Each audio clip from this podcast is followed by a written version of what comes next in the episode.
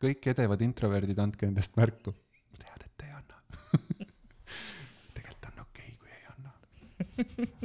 jah, pole rohkem vaja, siia ei mahu. ei, ei selles mõttes, et te võite täiesti omaette ka olla, me ei sunni teid. aga kui te tahate, et teised ka teaksid, et te olete edevad introverdid, andke märku endast. tere, kallis kuulaja, minu nimi on Kaisa ja sa kuulad saadet nimega Loovusvool. See on kakskeelne taskuhääling loovusest ja loomingulisusest ning inimestest, kes käivad loovalt oma teed.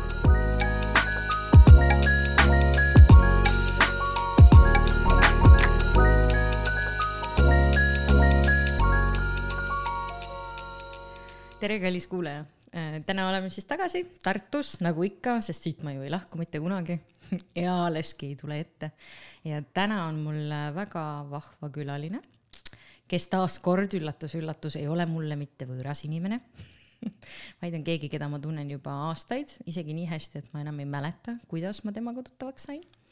ja vihjeks võin öelda, et äh, täna me räägime muusikast laulmisest, võib-olla ka isegi natukene testimisest, kindlasti räägime loovusest ja ma arvan, et äh, me katsetame ka, kuidas äh, mu saatekülalisel häälte ja hääle tegemine täna välja tuleb. võib-olla Oh. veab ja ta mängib meile ka pilli. nii et okay., enne kui ma hakkan äh, veel rohkem äh, midagi äh, toredat välja mõtlema siia algusesse, ma ütleksin tere, Kristjan. tere, Kaisa. et siis külaline on mul täna Kristjan Karmo ja Kristjan on nii tore, et ta kavatseb ennast ise tutvustada kõikidele. jaa, tere, mina olen Kristjan, ma olen ähm,. tähtkult oled silkine. äh, kalad. aga ma ei ole kindel, kas see nagu midagi mõjutanud on minu elus. juba lasteaiast peale olen ma tegelenud laulmisega. põhikooli lõpus ma teadsin, et minust peab saama programmeerija. sai ka. siis ma ühel hetkel enam ei tahtnud programmeerija olla tahtsin midagi muud proovida, siis ma olin natukene aega IT-s projektijuht, siis ma õppisin sysadminiks, siis ma olin sysadmin, siis ma läksin õppisin, ei läinud õppima, siis ma läksin tööle testijana, siis ma olin testijuht, siis ma juhtisin testimisfirmat, siis ma läksin õppima ju IT-juhtimist, mõeldes, et sellest on midagi kasu, oli küll, magistrikraadi sain. ja siin ma nüüd olen. kas selline situatsioon, et sa oled äh, kuskil äh, mikrofoni taga, on sul äh, pigem äh, tuttav tunne, hästi mugav tunne või see on midagi sellist, millega ei harju mitte kunagi ära? üldiselt on see, et äh, viimastel aastatel, kui ma olen mikrofoni taga, siis ma olen oma mikrofoni kaasa võtnud. jah, täna sa ei saanud. täna ma ei saanud jah. oleks tegelikult. Oleks võinud, kui oleks tahtnud.. ei no jaa, aga ta ei ole nii hea. ta on Mhm. ikkagi rohkem sihuke lava, lavamikker kui stuudiomikker. aga jaa, mikri ees on okei okay olla ja, ja nüüd viimasel ajal ka natuke kaamera ees rohkem et äh, siin on nüüd mitu asja, üks asi on see, et me hakkasime sõpradega mingi hetk veda-, tegema sellist ettevõtet nagu Must Post, mis mm. -hmm. no kus ma saan oma loovust natukene välja elada, kas siis kirjutades skripte või vahel olles ise talent kaamera ees, küll harva, aga põhimõtteliselt sa lihtsalt tegid endale oma tsirkuse ja siis läksid Jah. esinema ka sinna no. põhimõtteliselt jah. ja kuigi ma ei- põhiliselt ma tegelen seal sellega, et raamatupidamine korras oleks, okei. sest selliseid inimesi on ka vaja Mhm. ja selliseid hetki on ka vaja, kus lihtsalt keskendud ainult numbritele ja vaatad, et need kokku jookseks ja noh, seal ei, seal nagu liiga loovalt ei, ei ole hea. kui liiga loovalt lähened, siis tuleb Maksuamet kallale. ja, ja, ja siis hakkab, tekivad need ähm, loomingulised erimeelsused Maksuametiga, see ei ole väga äh, sihuke hea asi. aga kas loomingulisele või loovale inimesele üldse numbritega tegelemine, kas see on siukene loomuomane tegevus üldse? Või on see lihtsalt see aastatepikkune siuke õpitud äh, lisakogemus? ei, mulle on kogu aeg numbrid meeldinud selles suhtes, et põhikooli lõpus ma minu meelest matemaatikaeksamil sain isegi täispunktid, keskkoolis läks see kuidagi allamäge, aga endiselt noh, kuna ma tahtsin programmeerijaks saada, siis ma läksin TTÜ-sse ja siis ma olin jumala kindel, et äh, ma ikkagi olen sihuke matemaatika inimene ja mul põhikoolis ja keskkoolis oli klassikaaslaste seas kergelt selline kuulsus, et, et noh, et Kristjan ikka oskab ja siis ma seletasin teistele ja läbi selle sain ise ka selgeks mm. -hmm. et õpetamine on kõige kindlam õppimisviis. aga siis ma läksin ülikooli ja mina, humanitaarkooli taustaga poiss versus seal teised, kes olid siis, kes oli reaalkoolist, kes oli polütehnikumist, noh, kõik siuksed reaalikad on ju põhimõtteliselt ja mul ei olnud enam kedagi õpetada nüüd pidid ise hoopis äh, kedagi siis paluma, et sulle õpetaks või? ja nii see pooleli jäi lõpuks ai, ai, ai, ai. kuni, kuni ma lõpuks jõudsin IT kolledžisse, kus oli kuidagi minu isiksusega paremini sobivad õppejõud, kes no see oli ka täiesti huvitav lugu, et äh, ma olin näidanud õppejõule, et, et ma tunnen matemaatilise statistika vastu sügavat huvi, sest ma kodutöös lihtsalt nagu no see läks, ütleme siis äh, lappesse, et mm -hmm. ähm, hakkasin otsast tegema ja siis vaatasin, et oot, aga siit saab veel uurida ja veel ja veel ja veel ja ja noh, tegin umbes topelt äh, selle, mis oodatud oli. ja siis eksamil mõtlesin, et noh, et teeks miinimumi ära, läheks sõpradega välja kuskile onju ja siis olin juba tööd ära andmas, ta küsib, et oota, aga kas sa neid teisi ülesandeid ei oska teha või? no, no oskan. ja siis jah, ühesõnaga olid sunnitud selle lõpuni tegema nojah, et ja näitame ennast eriti heast küljest. nojah, ja siis nii, nii see, nii see esimene viis sealt lõpuks tuli. aga selle aja peale oli juba noh, igasugune lootus mingisugust noh, kiitusega lõpetada või siukest asja, ei, seda, seda enam ei olnud.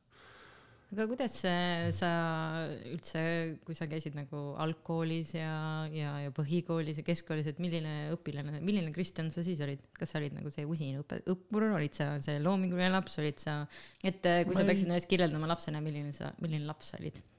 oma arust ma olin sihuke keskmine.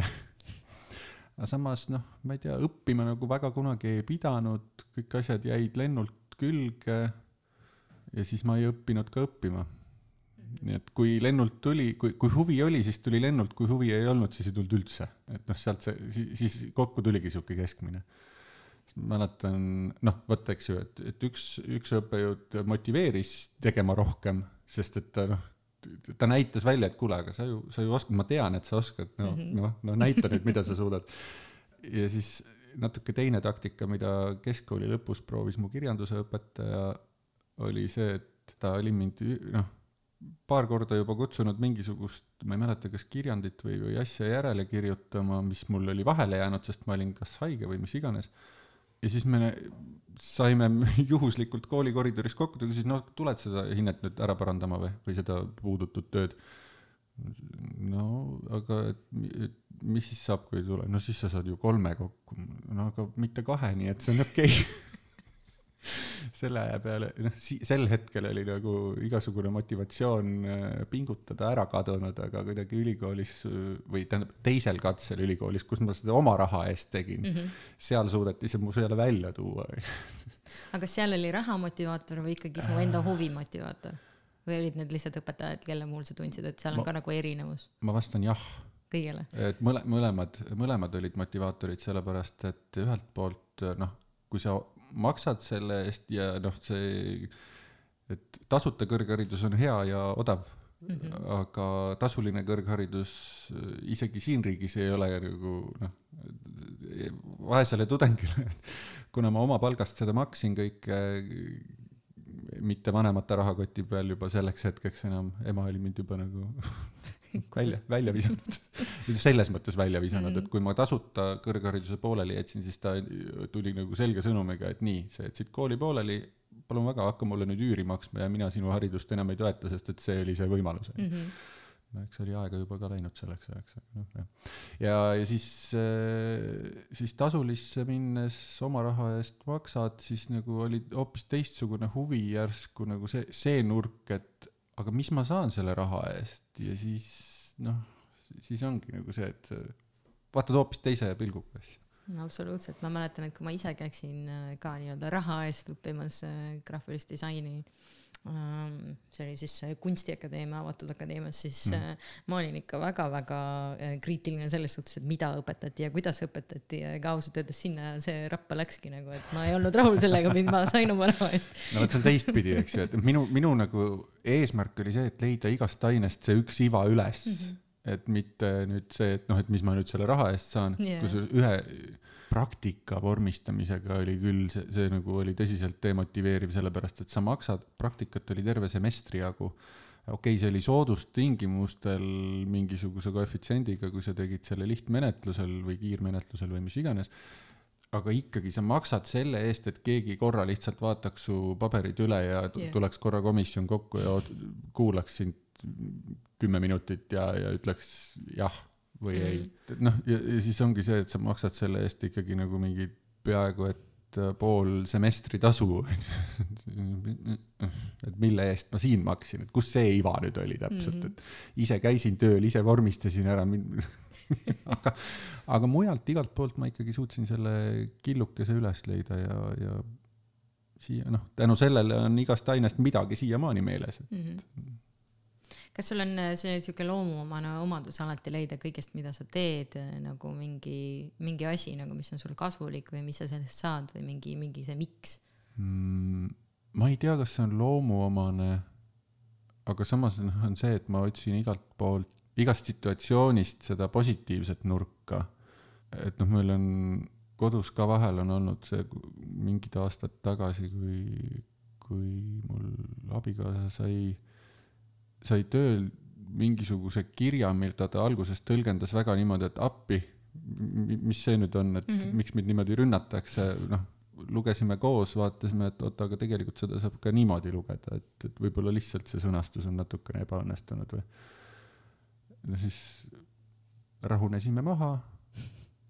ja tõde oli kuskil noh, pigem seal positiivsel poolel ikkagi lõpuks mm. -hmm. ja noh, ja siis, aga, aga just seda on kuidagi nagu kõrvaltvaatajana lihtsam teha, sest kui ma ise äh, nüüd äh, magistrisse minnes äh, mingisuguse aine esimene loeng oli ja ma, ma, ma nägin, et ma ei saa seal olla, sest ma olen teises Eesti otsas sel hetkel ja seal oli see, et kohaletulek on kohustuslik, sest muidu ei saa garanteerida, et sa üldse nagu mahud sinna gruppi. aga mis siis, kui kohale tuleb rohkem inimesi, kui klassi mahub, kuidas siis garanteeritakse või, või nagu mis asja? ja noh, saatsin küsimuse, et, et aga mis siis noh, et ma tõesti ei saa seal kohal olla, aga kas kuidagi äkki ikka saaks? ja siis ma sain koolist vastuse, mis, mis esimest korda lugedes tundus nagu noh, et umbes, et mida sa üldse tahad siit, onju. ja siis, kui ma seda mingisugune päev hiljem uuesti lugesin, ilma et ma oleks sellele reageerinud, siis ma loen, et oota, aga nüüd olles selle inimesega varem kokku puutunud, kes mulle selle kirja saatis, ma näen tegelikult sellest kirjast pingutust, kuidas ta üritab võimalikult vastutulelik olla ja, ja väljenduda nagu neutraalselt ja viisakalt ja niimoodi. aga noh, mina oma emotsioonis esimese asjana loen välja, et mis tahad siit jah, see vist on täitsa nagu No, inimlik lähenemine ka, et kes vähegi emotsionaalne on, loeb alati või saab neid sõnumeid hoopis teisel moel kui ja. see, kui need inimesed, kes seda saadavad. jah, aga, aga üldiselt jah, pigem nagu otsin, otsin positiivset, olgu see siis kasulik, noh, kasulik jah, see on see, et kuidas defineerida kasulik. minu jaoks kasulik on iga asi, mis mind rõõmustab, on kasulik jah, järelikult. see, et ma siin täna olen, on mulle kasulik. absoluutselt aga kellena sa iseennast defineerid, noh, ma rääkisin mm. natukene ka, et sa oled laulja ja muusik mm -hmm. ja ma saan aru, et sa oled testimisjuht ja mingil määral oled akadeemik ja koorilaulja ja veel üht koma teist rolli vahel raamatupidaja. Et äh, kas see sinu jaoks on üldse oluline, et sa defineeriksid ennast üldse mingi ühe rolliga ja kui see roll on nagu oluline, siis mis see roll oleks? no ühelt poolt ma defineerin ennast kui testijat, et seal on nagu see noh, Nordic Testing Days, millega sa ka seotud oled tihedalt. nii on. see on üks asi, siis noh, see, et ma olen, olen praegu äh, Coop Pangas testimise valdkonnajuht.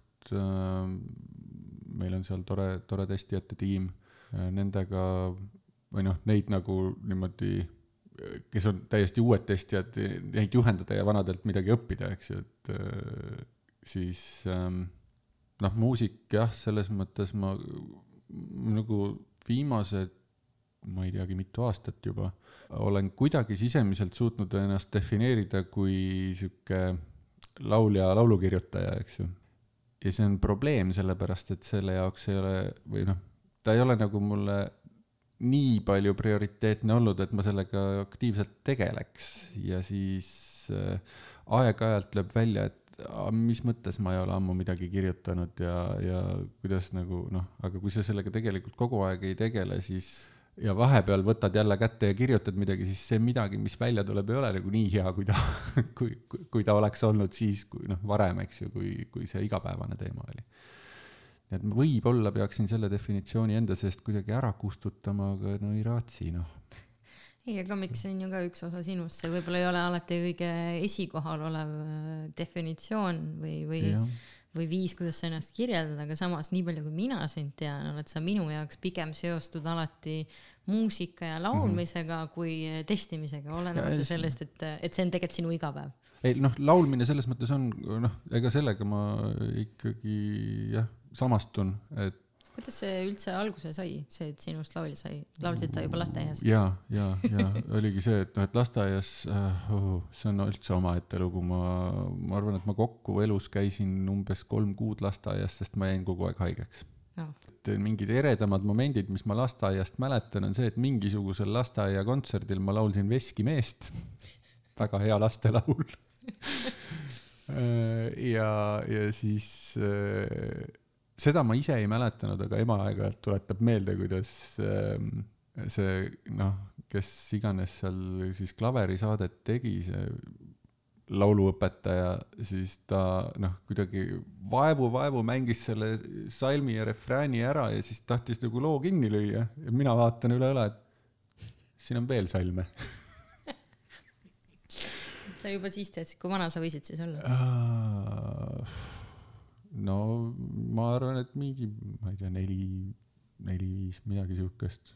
aga kas see laulmine, noh, ma ei tea, selles suhtes ma ei tunne sind nii hästi, et kas see laulmine on kuidagi sinu perest tulnud, et kas su vanemad tegelevad laulmise ja muusikaga ähm. või oli see mingi täitsa sinu enda teema no võib-olla on ema mõjutus, et sellepärast, et ema laulis mulle alati, kui ma tal kärus olin, seda ma ise ei mäleta mm, -hmm. aga ta on ise meenutanud seda momenti, et kui ta noh, jalutas minuga, mina olin tema ees kärus ja siis vaatasin üle õla tema poole, kui ta vait jäi, ütlesin ävä, lala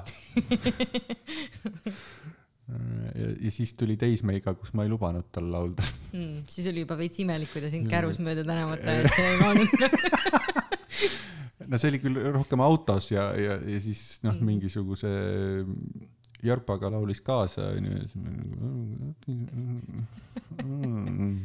siis ma olin sihuke teismeline, kellel oli iga asja pärast piinlik kogu aeg mm. -hmm. aga kes meist ei oleks olnud? tõsi, tõsi, nii on. aga kas sa siis äh, põhikoolis, keskkoolis ka tegelesid laulmisega või, või ma, pigem ei? ma olen kogu aeg olnud, või selles mõttes kooris ma olen kogu aeg olnud alates algklassidest peale ja, ja siiamaani, vahepeal nüüd jäi poolteist aastat vahele, see oli kõige pikem paus, mis mul olnud on vist. oli veider ka, kui oli äh,? oli küll, ei, aga kusjuures tagasi minnes oli see, et nagu poleks ära olnud. noh, noh, koorilaulu jäi pooleteiseaastane paus äh, seoses nüüd pandeemiaga, aga, aga laulmisse ei jäänud, sellepärast et Big Band tegutses alguses kaugelt edasi ja siis hakkasid ikkagi tegema, tekkima võimalused ka kokku tulla ja, ja päriselt mängida ja laulda. ja noh, see oli ka, see oli mingi, mis see siis oli, kaks tuhat kümme, ei, kaks tuhat üheksa lõpp, äh, minu jaoks mingi eluunistuse täitumine, kui ma sain üldse Big Bandiga laulmist proovida. ja ma siiamaani laulan nendega. aga kuidas see üldse juhtus, et sa said nendega laulda? see oli puhas juhus jälle, et ähm, tähendab, Big Band otsis endale lauljat, oli saatnud kooridele kirja laiali aga meeskoori listis on noh, asjad väga kaitstud ja see, kes äh, listi oleks võinud selle edasi saata, noh, kas ta ei märganud, et tuli või, või mm -hmm. vaatas, et see ei ole piisavalt oluline info meeskoori jaoks, aga igatahes ta seda edasi ei saatnud. ja siis ma chat isin ühe naiskoori lauljaga, kes küsis, et kuule, aga et äh, homme on see Big Bandi mingi audition, et kas sa sinna ka lähed? mis Big Bandi audition, mis asja? siis ta saatis mulle kirja edasi ja siis ma läksin ja siis, kui ma kohale jõudsin, selgus, et oi, näe, vana jutuka sõber Simmo tegeleb Bigbendi asjade organiseerimisega algusest lõpuni mm. -hmm. keda ma ei olnud näinud selleks ajaks, ma arvan, mingisugune, mis ma hakkasin jutukates käima, üheksakümmend kaheksa. ma arvan, et kuskil kaks tuhat kolm-neli vajus see ära ja siis kaks tuhat üheksa saime siis nagu juhuslikult kokku jälle ehk siis tegelikult see paus ei olnudki nii pikk, aga see tundus nagu terve igavik. Ja siis äh, praeguse või noh, mingi paar aastat tagasi juba märkasime, et kuule, et me oleme nüüd nagu praktiliselt igapäevaselt suhelnud oluliselt kauem, kui meil vahepeal paus oli. Aeg lendab. Üldse see jutukate kultuur ka oli omaette siukene ajastu, et äh, Kus... kusjuures minu esimesed mälestused sinust on pigem, ma arvan, jutuka ajast, ma ei olegi isegi mm. sada protsenti kindel, kuidas meie omavahel tuttavaks saime. minu meelest me saime tuttavaks Reidis mulle tuletati meelde üks päev veel ühe inimesega tutvumist samal moel mm -hmm. ja mul on siiamaani täiesti pime maa, et kuidas see üldse juhtuda sai. no aga see on okei okay., selles mõttes, et no,. aeg oli no, siis ka päris et äh, see, et Reit meelest ära läheb, kuule, aga see võikski olla üks laul, mida teha vot nostalgialaul on, kõik Reidi kungid hakkavad. Reit ei ole elu, aga Orkut, näe, on no vot, näed, täna lähed äh, siit ära, siis tulebki järgmine hitt, noh no see on vana, vana hitt tegelikult, see oli isegi mingi Õhtulehe artikkel al algas kunagi lausega, see oli, võis olla mingi kaks tuhat kuus-seitse võib-olla, et nagu üks vähetuntud seltskond kunagi kuulsaks laulis. ohoh, Reit ei ole elu, aga Orkutne on. no vähetuntud seltskond, sellega ma olen nõus, et äh, ansambli nelja, neljapäev isegi vaata, et lipukiri oli pikalt kümnete lemmik mm. -hmm aga et, et me selle kuulsaks oleks laulnud, ma ei ole kindel. sa pole kindel, seda kuulsust sa ei märganud kunagi, kui see seal oli?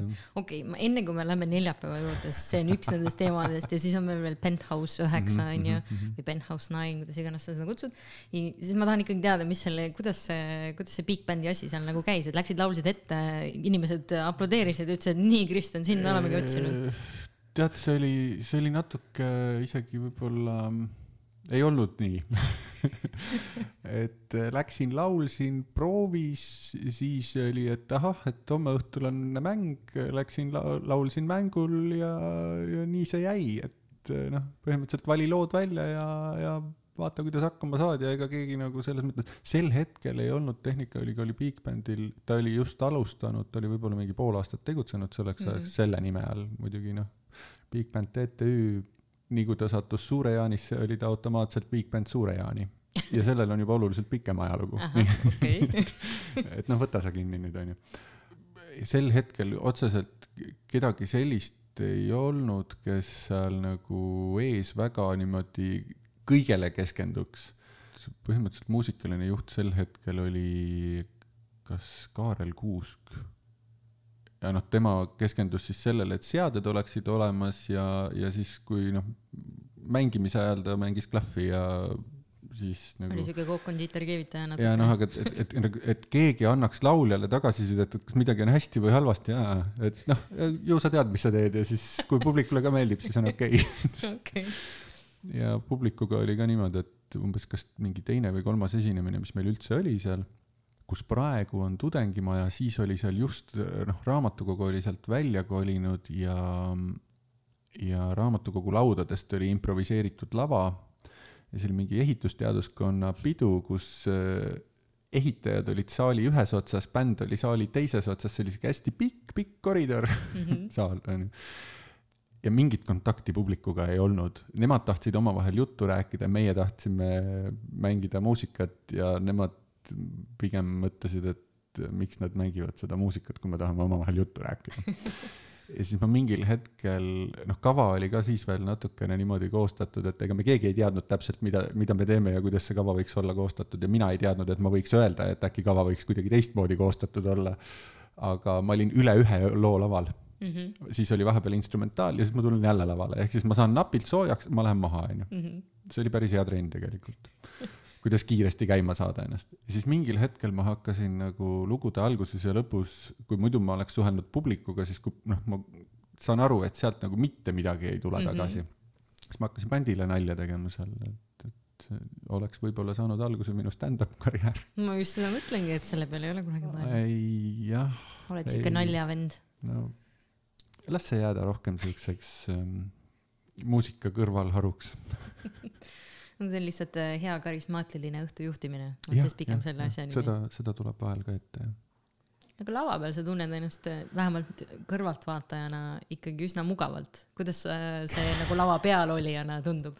kas sa mu viimast blogipostitust lugesid? lugesin, Ehm, jah, et aga see, kuulajad ei tea sellest ei just viimasest midagi., see, see ongi, see ongi nagu pull asi, et ega seal nagu need, kes seda, ühesõnaga, see oli Tehnikaülikooli lõpuaktus, kus siis ähm, ma rääkisin ennast lavale, sest paar minu juhendatavat lõpetas ja mõtlesin, et noh, et võiks ju neile tead väikse üllatuse teha.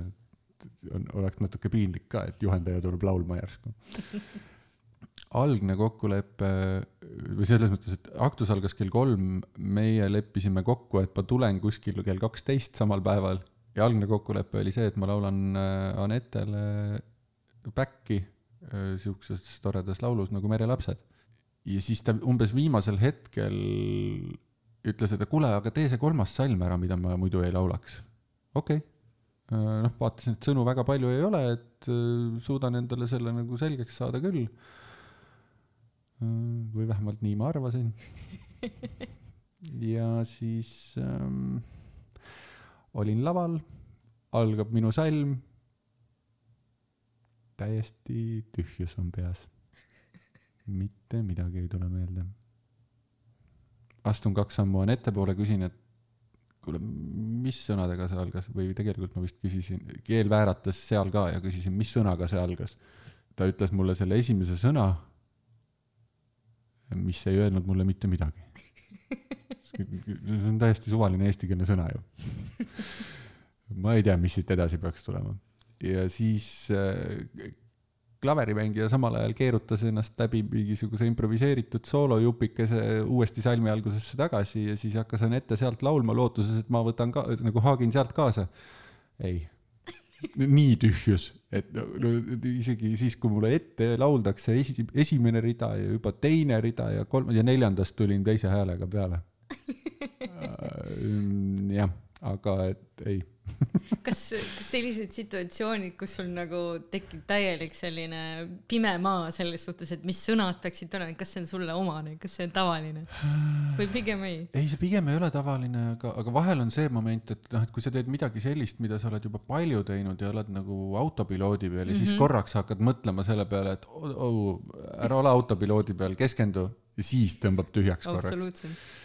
aga, aga üldiselt ongi nagu see, et mis noh, kuidas nagu mingi väikse koosseisuga on siukseid olukordi oluliselt lihtsam lahendada kui näiteks Big Bandiga, Big Bandil on seade ees, ta läheb nagu tank, tal ei ole midagi seal. aga, aga mingi väiksem koosseis, noh, nii kui juba neljapäev ja Penthouse ära said mainitud, minu meelest mõlemaga on olnud olukordi, kus on see, et mina lihtsalt laval unustan salmi alguse ära või, või näit-, või ma ei tea, kas ma võtan sel hetkel lonksu vett või no ega ma siis tegelikult ei joo- joonud vett laval toona. või, või mis, mis iganes põhjusel ei saa õigel ajal alustatud ja näitan nagu bändile, tehke uuesti mingi vaheosa või mis iganes ja noh, see nagu õnnestub. Big Bandiga vahel õnnestub ka, kui on näiteks dirigent ees ja ta suudab näidata kordusmärke, Mm -hmm. aga aga siis ka alati keegi, kõik ei märka, see on nagu ja hästi, hästi riskantne olukord olukord ja jah. aga Big Bandiga oli lahe, ükskord oli Anne Veski Big Bandiga laval ja ma nägin seda lava kõrvalt äh, sealt nagu fonoruumist pealt, et ähm, kuidas äh,, kuidas see olukord nagu hargnema hakkas seal, et Anne tuli kas mingi kaks või neli takti varem sisse ja dirigent näitab, et vara veel. ja siis Anne tegi, noh, selles mõttes, et ma ei, ma ei osanud oodata, et, et nii ka teha saab. ta tegi näo, et ah, oih, nüüd läks valesti jäi vait ja tuli õigel ajal uuesti sisse, aga noh, selles mõttes, et ta üldse ei varjanud publiku eest seda, et nüüd mm -hmm. läks valesti. ma usun, et publik tegelikult isegi ei märganud midagi, ta pigem ei varjanud seda dirigendi eest, et publik noh, tegeles sel hetkel tantsimisega või midagi, et mm -hmm. mulle kuidagi alati meeldib pigem, et noh, et noh, et kui seal aktusel küll oli see, et, et ütleme, Youtube'i salvestusest ei näe seda, et mis seal täpselt juhtus või et üldse midagi juhtus, aga, aga saalis võib-olla kohapeal oleks aru saanud ähm,. aga samas ah,, seal üks äh,, üks kruuvipoistest lõpetas ka sel päeval ja, ja tema vist ütles, et ei no ma vaatasin jah, et midagi oli, aga nagu päris täpselt ei saanud aru, mida, et, et noh, see, see ongi nagu see, et, et lõppkokkuvõttes need, kes laval on, saavad oluliselt rohkem aru, kui midagi valesti on, kui need, kes publikus on, sest et publik ei tea, mis plaan üldse oli. võib-olla oligi mingi sihuke huvitav improvisatsiooni koht näiteks no,. absoluutselt, et see on jah hästi kummaline nagu, et ma mäletan sellel, kui ma ise ka nagu veel bändi tegin, et just äh, tegelikult need situatsioonid, kui midagi läheb pekki mm, -hmm. näitavad seda, et yeah. kas sa oled hea bänd või sa ei ole hea bänd, sellepärast et, et kui see sünergia nagu tööle hakkab, onju, mhm, siis mm -hmm. inimesed, kes seal bändis on, saavad kohe aru ja teavad, kust yeah. nagu seda nii-öelda parandama asuda aga kui seda ei ole, siis võib küll ikka täitsa hulluks minna. et on improviseeritud nii väljamõeldud sõnu. ma mäletan, et minu mm -hmm. jaoks näiteks lavahirmu äh, seljatamiseks väga oluline punkt oli see, et ma sain aru, et mitte keegi ei kuula, mis ma, mis ma tegelikult laulan. mis, mis andis mulle nagu väga suure võimaluse improviseerida, välja mõelda käigu pealt neid sõnu nii, kuidas ma ise see, soovin. see, see oleneb sellest, mida sa laulad parasjagu no, kui sa teed mingit oma laulu, siis noh. siis on täitsa mustmaa. jaa, siis, siis on sul te, selles mõttes autorina õigus seda muuta jooksu pealt nagunii, nii et selles mõttes ei ole vahet, onju. kui sa laulad mingit tuntud asja, siis, siis vahel harva juhtub, et on mõni minusugune publikus, kes on väga pedant, et sõnad peaksid õiged olema, samas ma ise ei laula tingimata alati õigeid mm -hmm. sõnu, onju, et ma, mulle tundub, et ma natukene peaksin mugandama, et seda nagu rohkem enda omaks teha või mis iganes ja siis, või tähendab, ma olen muutunud, ma olen selles suhtes oluliselt leebemaks läinud aastatega.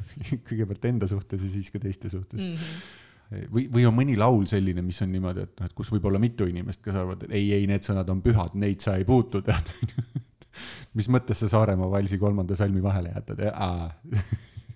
nii need asjad ei käi. aga, aga noh, üldjuhul jah, keskmine kuulaja ja, ja, ja noh, veel rohkem keskmine bändiliige ei kuula üldse, mida lauldakse. no trummar on ikka, teeb oma trummiasja, kuulab heal juhul bassimeest, onju. bassimees kuulab trumme no, vahel... ja kitarristi aeg-ajalt, laulja peab kõiki kuidagi omal, omal vastutusel nagu haldama või suutma kuulda. bassi järgi saab täitsa laulda. Millest sina juhindud, kui sa laval oled, millisest pillist? üldiselt bassist ja ma arvan, et see on sellepärast, et ähm, ma ise olen kooris kogu aeg ju bassi laulnud mm. ja siis ma olen sellega nagu kuidagi lähestikku kasvanud. ja kunagi a capella bändis ma laulsin ka bassi, et see nagu aitas ka selles suunas mind liigutada. no ja pluss Big Bandil on see, et äh, rütmigrupp on koos, noh, ja siis mul ongi nagu kaks varianti, kas bass või, või klahv või oleneb, on ju, mõnikord kitarr ka, aga kit-, kitarr on seal tavaliselt nagu nii täitepill, et, et noh, klahvist on rohkem, aga bass on kogu aeg olemas mm. -hmm. klahv ja kitarr on nii, nii ja naa. aga kuidas see üldse juhtus, sa mängid on ju pille ka? no, ma eeldan, et sa mängid, sa tulid kitarriga kohale. no ma natu-, natukene jah, see suvi okay. olen kolm korda juba mänginud. okei okay., aga kas sa mängid peale kitarri ka mõnda pilli? ma oskan klaveri peal mängida Still DRE, seda parema käe käiku. okei okay,, see on muidugi väga huvitav ja väga spetsiifiline valik, enamus teab rongsõitu ja seda no, koerapõlkat, aga. rongisõitu ma oskan ka enam-vähem, aga, aga koerapõlkat ma ei oska. aga kuidas Kristjan äh, üldse jõudis selleni, et ta hakkas kitarri mängima ja millal see juhtus uh,? ma, ma kuidagi unu, unistasin sellest kogu aeg äh,, siis ma millalgi laenasin endale kellegi kitarri siis mul olid mõned sõbrad, kellega koos käia kuskil jämmimas vahel, onju, et kes, kes siis mängisid kitarri ja kelle, noh, mille peale mul oli siis tore laulda. põhi, põhilugu oli Vendade Urbide Ivani palve ja siis üks nendest sõpradest ootamatult lahkus meie hulgast.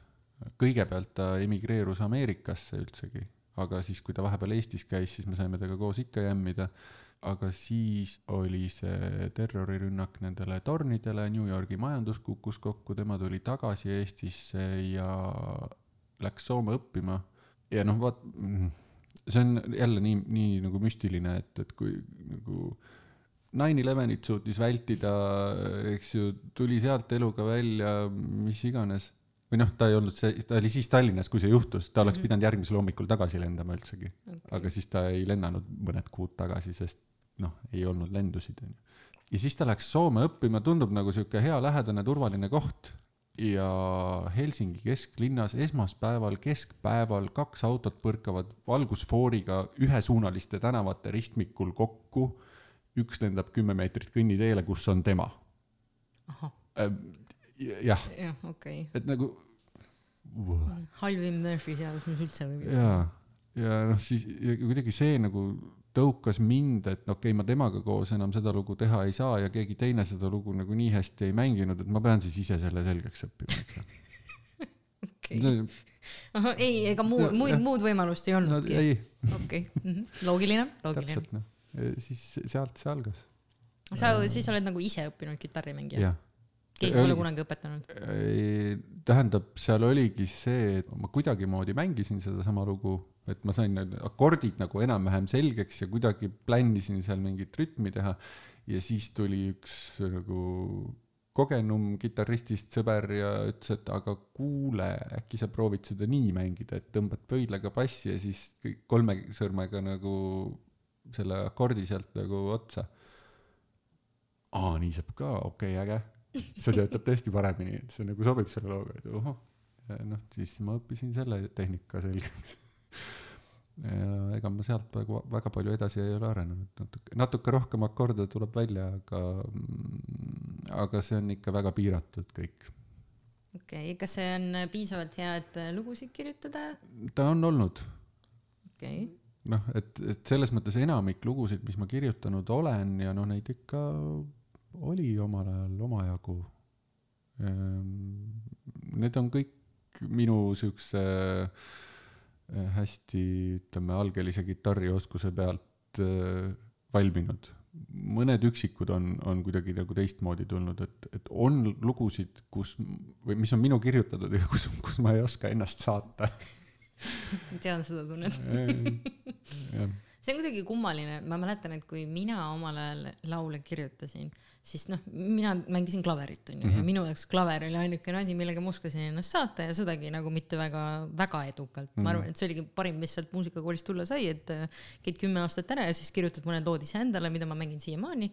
ja sõnu ma võib-olla ei mäleta, aga ma mäletan nagu neid meloodiaid ja käike onju -hmm aga, aga just ongi see, et mõnikord sa laulad midagi niivõrd keerulist, et väga raske on sinna taha mõelda, et mismoodi see saade peaks välja nägema. ja, ja, ja. et kuidagi just. need äh, kolm kõlad ja, ja kõik see, kas see on mažoorne või minoorne, et siis peab mingeid otsuseid vastu võtma, et palju lihtsam on laulda a capella, et siis see kõlab nagu nii, nagu sa tahad, et see kõlaks. ja siis oli mingi üks jõululaul, mis ma kunagi kirjutasin, millel oli see, et ma suudan selle kidrakäigu ära mängida, kui ma ei laula samal ajal ja ma suudan laulda, kui see kidrakäik, noh, et ühesõnaga põhimõtteliselt ma peaksin selle looperisse sisse mängima ja siis saab hakkama üksi ka.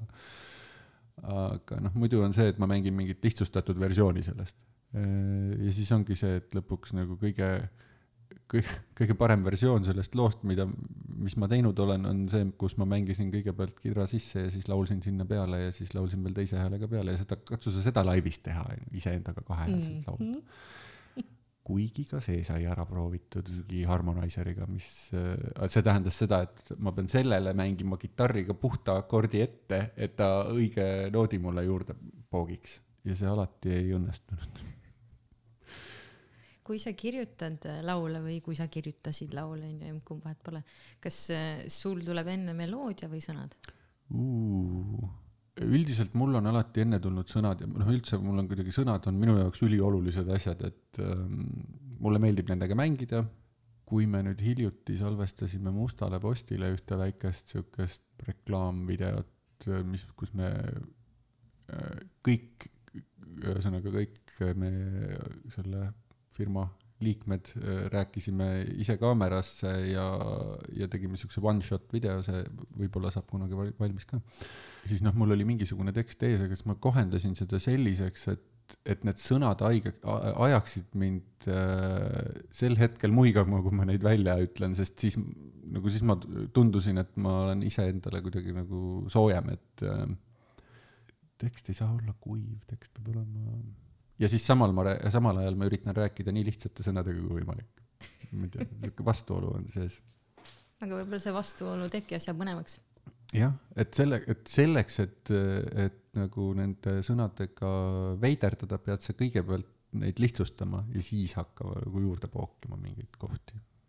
kas sul on, kas sul on, okei okay,, kui me juba sõnadest räägime, et kas sul on siis äh, ka äkki mõni poeet, mõni luuletaja, kelle luulet sa jälgid, sest nemad on ju sõnasepad või pigem ei? selle näo peale, mis ma siit sain, ma eeldan, et pigem ei äh,. Ott Arder, aga noh, raske öelda, et ma jälgin, sest et noh, ei, ole seda uut kraami sealt tulnud juba ammu miskipärast. aga seal oli ka see, et kuna ühel hetkel helistas mulle üks äh, vana tuttav, kes oli ka muuhulgas mingil hetkel asendusliikmena neljapäevaga laval käinud ja ütles, et kuule, mul on häda, mul on Ott Arderist tükk tulemas ja mul ei ole seda meest, kes Otti mängib ja sina peaksid olema see, kes mängib Otti. ma ütlesin, ma mõtlen selle peale, aga siis ta ei lasknud mul väga mõelda või noh, see oli mõtle, mõtle, aga ütle jah. Äh, no ja siis ma mängisin mõned hooajad seda Otti seal ja noh, tekkis tead, et mingil hetkel, kui sa lähed rolli nii sisse, et sa hakkad ise uskuma, et aa, kuule, ma oskan ka niimoodi luuletada siis on nagu, oota, oota, oota, astu samm tagasi. ei, tegelikult see ei ole päris nii aga noh, tegelikult ta on ju ka laulusõnu kirjutanud meeletult ja väga häid laule, et, et see oligi, mingid kohad olid siuksed, kus ma avast-, aa, see on ka Arder, okei okay,, selge. et endalegi tuli üllatusena, et mil-, kui palju ta siis on nagu muutnud seda maailma või, või ja, puudutanud seda ja, maailma. ja, ja noh, et kuidagi nagu esimene asi, mis seostub äh, temaga, on, on lasteluuletused. aga noh, talle meeldis ka jubedalt sõnadega mängida ja, ja igasugust siukest noh, tal oli mu, see ei ole tegelikult noh, ta ei ole nagu otseselt tropp, aga tegelikult nagu on ka, kuigi Eesti linnanimed ei ole ropud. minu lemmik Karderi luuletus on kaherealine. Paidest tulid Jaan ja Jüri, Pall ja Päi ja Pall ja Türi Bravo kuskil siin on see aplausinupp ka, aga ma seda täna, täna ei mängi. las ta jääb aga kujuta ette, siin on ja, standing ja, ovation. oma peas juba plaksutasin sellele nii, et uh. ei no see on juba omaette, e, omaette saavutus, et mm -hmm. sul on see pähe jäänud. sa oskad tsiteerida juba luuletajad niimoodi sammu pealt. et äh, keskkooli lõpus ei olnud see üldse nii aga, aga sõnade meeldijätmine, sa enne mainisid ka, et see on suht nagu lihtne sulle, et ma võin öelda, et minule on see nagu väga keeruline. Uh,. mul, ma ei tea, mismoodi see mul täpselt peas toimib, ma mäletan, kui ma meeskoori, Tehnikaülikooli meeskoori astusin, Tehnikaülikooli Akadeemilisse meeskoori, ütleme täisnime. Äh, astusin, siis äh, seal oli esimese asjana, et rebasekatsed ära teha, oli vaja viis kohustuslikku laulu pähe õppida mis seal siis olid, noh, hümn, mis nagunii peab kõigil peas olema, see on nagu lihtne. nagu Eesti hümn või? Eesti hümn mm -hmm. jah, mhm. siis Eesti lipp, mis oli mul ka juba lapsepõlvest enam-vähem peas. Äh, mul oli siis ainult bassipartii vaja selgeks saada. Ähm, oota, mis seal veel, koori moto, äh, Miina Härma meestelaul ja Kaude aamus. jah, näed, tuli, tuli meelde praegu oleks häbi olnud, kui ei oleks tulnud. koorivend pärast mm -hmm. kuulab või koorivanem kuulab ja siis saan no, märkuse. ta oleks niimoodi näpuga vibutanud ja, järgmises proovis. tšau, Vahur. aga, aga jah, et nendega ma mäletan, et mul käis see protsess umbes niimoodi, et ma olin, me tegime mingeid siukseid õppimissessioone teiste rebastega või rebasekandidaatidega sel hetkel veel. ja siis, kui ma jalutasin bussi pealt kodu poole näiteks, siis ma ketrasin seda peas läbi ja, ja noh mõttes laulsin, onju. oo oh, jaa, see on vana hea salanipp, seda kasutasin kusjuures mina ka. no ja niimoodi, niimoodi oli, aga nüüd on see, et nüüd sõidad autoga igale poole, onju, või mul on kaks varianti, kas ma sõidan autoga või ma lähen jala, mingisugune, ütleme, kuue kilomeetri kaugusele jala minna on veel okei okay.. kui juba kaheksa on, siis hakkan mõtlema, oleneb sellest, kui kiire on. kui mm. on väga kiire, siis tuleb autoga minna. ja siis ei jõua ju sõnu õppida, aga noh, praegu ei ole olnud vaja ka pigem on see, et ma, kui ma jalutan, siis ma kuulan mingisugust äh, raamatut endal klappides. kas lihtsam on selgeks õppida teiste inimeste sõnu või enda omi? vahet ei ole. täpselt sama teeb välja. täpselt sama teeb välja, enda sõnadega on niimoodi, et nii kui nad kirjas on, on nad peast väljas. kui, kui teeks seda rohkem siukse nii-öelda suulise pärimusena, et, et noh, ei, ei kirjutagi üles, siis võib-olla nad jääksid paremini pähe aga vot noh, ei julge, äkki, äkki ikka ei jää. Ja siis tuleb kirja panna, nii kui kirjas on, on peast läinud, see on nagu täiesti raudpolt. okei okay,, me mainisime kahte bändi, mida mina tean, et sul on olnud, sul on neid võib-olla isegi rohkem olnud, aga aga, aga äkki hakkagi rääkima niimoodi, et kuidas sai sinust bändimees, mitte ainult koorilaulja, vaid bändimees. minu esimene bänd oli ühe sõbraga lapsepõlves, bänd kandis nime Music Heroes. kust tuli Music Heroes, ma ei mäleta, mina tahtsin bändi nimeks panna Smash, sest mul olid kindad, kuhu oli peale kirjutatud Smash. aga noh, jumal tänatud, et Smash ei olnud, muidu oleks äkki Smash Mouthiga sassi jäänud. ja siis meil olid lood, üks oli Smash, mis äh, hilisemal analüüsil selgus, et see oli põhimõtteliselt äh, teiste sõnadega äh, see Frankie Goes to Hollywoodi Relax, väga hea lastelaul. kui noor sa siis olid üldse? Äh, ma arvan, mingi üksteist, kaksteist. siis teine oli I m running away from this bike. mis oli Bonnie M-i Maa Bakeri sõnad või viisi peal. ja midagi. Sa põhimõtteliselt tegid seda, mida meie mees tegi, et võttis lihtsalt mingi muu loo, kirjutas oma sõnad peale ja. kusjuures ma. praegu avastasin, et oot, aga ma teen seda ju siiamaani. nii, et äh, kui eelmine aasta see eriolukord välja kuulutati ja, ja Big Bandil oleks kontsert olnud, aga ei olnud, siis äh, me, me siis tegime ka selle popi kodusalvestuse, et igaüks salvestas oma partii sisse telefoniga ja siis Teet Vaeseke miksis selle kõik kokku. Big Band ei ole kunagi nii puhtalt kõlanud kui siis. ja ma sain ma sain hiljem teada, miks. mitte tingimata, et igaüks on iseenda kõige suurem kriitik, vaid kui sul on iga track eraldi salvestatud, siis on lihtne neid tõsta ja. siis saab kõike tuunida. Melodyne töötab ühe track'i peal oluliselt paremini kui terve, terve tromboonirühma peal näiteks no vot, tervitused tromboonidele. ja siis noh, et põhimõtteliselt, mis juhtus, oli see, et laul, millega ma oleks läinud lavale esimest korda, noh, kui ei oleks tulnud eriolukorda, oli That's Life. ja siis pakkusin välja, et aga teeme seda. noh, et oli just nagu selgeks tehtud ka kõigile ja, ja sobis. ja jälle mu ema on mind ikka nii palju mõjutanud, kui ta sellest kuulis, aga miks te eesti keeles ei tee midagi? et aga mm, teeme siis eestikeelsed sõnad sellele ja siis selle laulu nimi, nimeks sai Läks nii.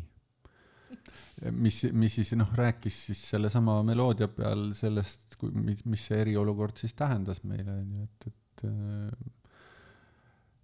jah, põhimõtteliselt siis üheteistaastase Kristjani tegevusest sai see, millega sa tegeled nüüd. jah, ja, ja, ja, ja sellesama asjaga me oleme tegelenud äh, meeskoori kontekstis ka juba mingisugune uhuhuhuhu. mis aastal me seda tegema hakkasime, kas see oli kaks tuhat üksteist äkki siis või? ehk Siis kümme aastat jah. Kui meeskoori maskipallidel tekkis väike lõhe videopundis, videopundist eraldus üks väike jupike, kes tahtis teha hoopis siis live-teatrit, aga päris live-teatrit mitte, vaid me tegime siukest mm, eksperimentaal-minimuusikali, kus me salvestasime muusika enne ära ja siis näitlejad laval pidid siis suud liigutama. ja sellega oli see nagu kogu see kontseptsioon oli selline, et me võtsime mingisugused hitid, kas siis noh, värskemad ja, ja siuksed äh, igihaljamad ja kirjutasime nendele mingisuguse, see oli siis algselt ühe Tehnikaülikooli tudengiteatri tüki peale. tervitan Pätut, kes selle, selle konkreetse stseeni stsenarist oli. ja võtsime ühesõnaga selle teatri teksti aluseks ja kirjutasime selle pealt siis laulusõnad. et meloodia on olemas, tegevus on olemas, vaja lihtsalt see nagu rütmi ja riimi panna, eks ju Mhm. jah, mis on ka sihuke hästi kuidagi hea harjutus, et äh, sa saad keskenduda sellele ühele, jah, sa oled nagu kasti sees, onju, et sa ei pea nii palju kastist välja mõtlema. aga samas sa, sul on rohkem ruumi kastist välja mõelda selles mõttes, et noh, et see nagu äge oleks ja siis noh, mingid siuksed legendaarsed äh, read, mis sealt on tulnud ähm,. Skyfalli refrääni viisi peal olen naine, mul on maised vajadused. mis see on, olen naine, mul on vaise. midagi siukest jah. väga lahe. ühesõnaga, aga seda te olete minu arust teinud kordi rohkem kui ainult korra. ja, ja me si- siis alustasime ja siis jah, iga kahe aasta tagant me oleme seda nüüd teinud, nüüd välja arvatud kaks tuhat kakskümmend üks. No veel pole jah. jõudnud, mine tea, no võib-olla sügisel jõuab. maskipall oleks olnud äh, kuskil seal esimese aprilli ümbruses, aga, aga noh, vaatame, me tegime, me tegime kaks tuhat üheksateist nalja ka, et no see on viimane maskipall. no vot, karmid naljad lähevad. siiamaani on tõsi. aga äkki ikka, äkki ikka suudame selle ellu äratada mingil hetkel. See üheteist, kaheteistaastase Kristjani bänd, kas see nagu oli Ei, pikka aega bänd see, või? see oli lihtsalt see, et me olime siis, kui me selle sõbraga koos kuskil olime, kas tema juures või minu juures või mis iganes, siis bänd tegutses. meil ei olnud ühtegi esinemist nagu avalikku, võib-olla vanematele. te olite. stuudiobänd me ühesõnaga. olime stuudiobänd jah, me, me isegi tegime ühe, ühe või kaks muusikavideot. Istusime minu ema mosses ja laulsime Smashi. kuidas tol ajal neid äh, muusikavideosid lindistati? millega te filmisite? no ikka kaameraga. VHS-i kaameraga jah. kas see VHS-i kassett on kuskil veel ma alles? kardan, et ei ole. ai kui kahju. ma võin otsida muidugi kodus, mul on mingi kastitäis neid alles, aga ma minu meelest lappasin selle läbi ja ei suutnud seda konkreetselt sealt leida. Aga see on mul silme ees, nii et see on okei okay. no see on põhiline pesu, et see mälestus ei ole nagu Jah. muutunud. et see cringe ei ole kuskile kadunud, see on alles. ma küsin vahelduseks ühe teise küsimuse, siis me tuleme tagasi mm. -hmm. Penthouse Nine'i ja, ja neljapäeva juurde, sest okay. ma juba korduvalt luban, et me räägime tege, sellest. tege, tegelikult mu teine bänd oli, oli After Six. aa, õige küll mm -hmm. jaa, see oli a capella meestegrupp, kui ma ei eksi jah. millal see oli? see oli niimoodi, et ma käisin kaks tuhat üks siuksel üritusel nagu Voice Force, kus After Six esines, ilma minuta. ma ei olnud veel liige, aga siis noh, ta oli meeskoori, meeskoori juures tegutsev bänd ja, ja seal laulis bassi minu lauluisa. Mhm. lauluisa on see, kes äh, võtab rebase kandidaadi oma hoole alla ja õpetab, et ühesõnaga kutsub poissi korrale, kui vaja, teeb poisile õlut välja, kui vaja, noh, mida iganes. see on siis nagu koori kontekstis nagu Jah, lauluisa. just. mitte niimoodi, et Ei. lähed äh, ülikooli ja siis Ei, ei, igaüks saab ka oleks muidugi ka päris põnev jah, jah, jah. aga mm, tervitan Meelist.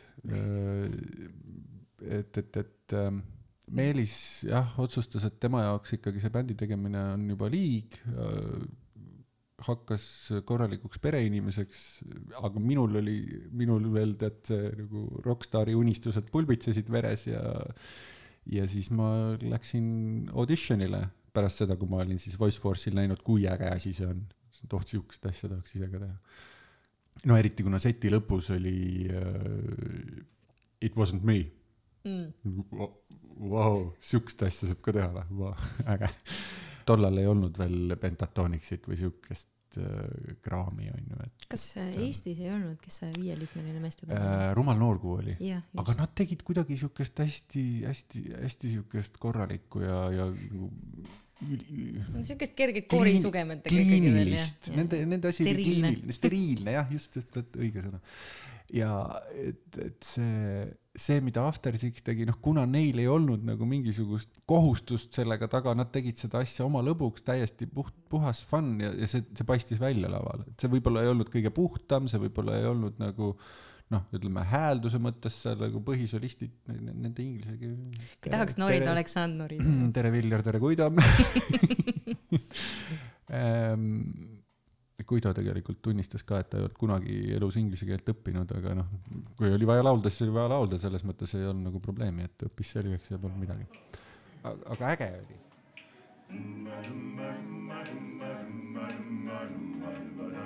Peeter ja Siim, kus te olete, see on teile. They're just a couple of gigolos and everywhere they go people know the part they're playing.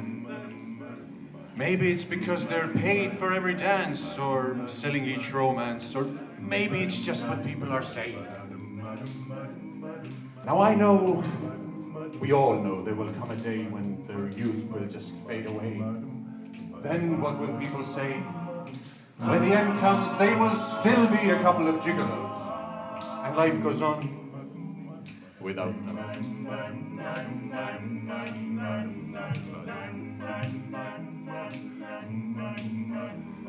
I'm just a gigolo, and everywhere I go, people know the part I'm playing. I'm paid for every dance, selling each romance. Ooh, what they're saying. But there will come a day when youth will pass away. What'll they say about me? When the end comes, I know there's just a gigolo. Life goes on without me, cause I ain't got nobody.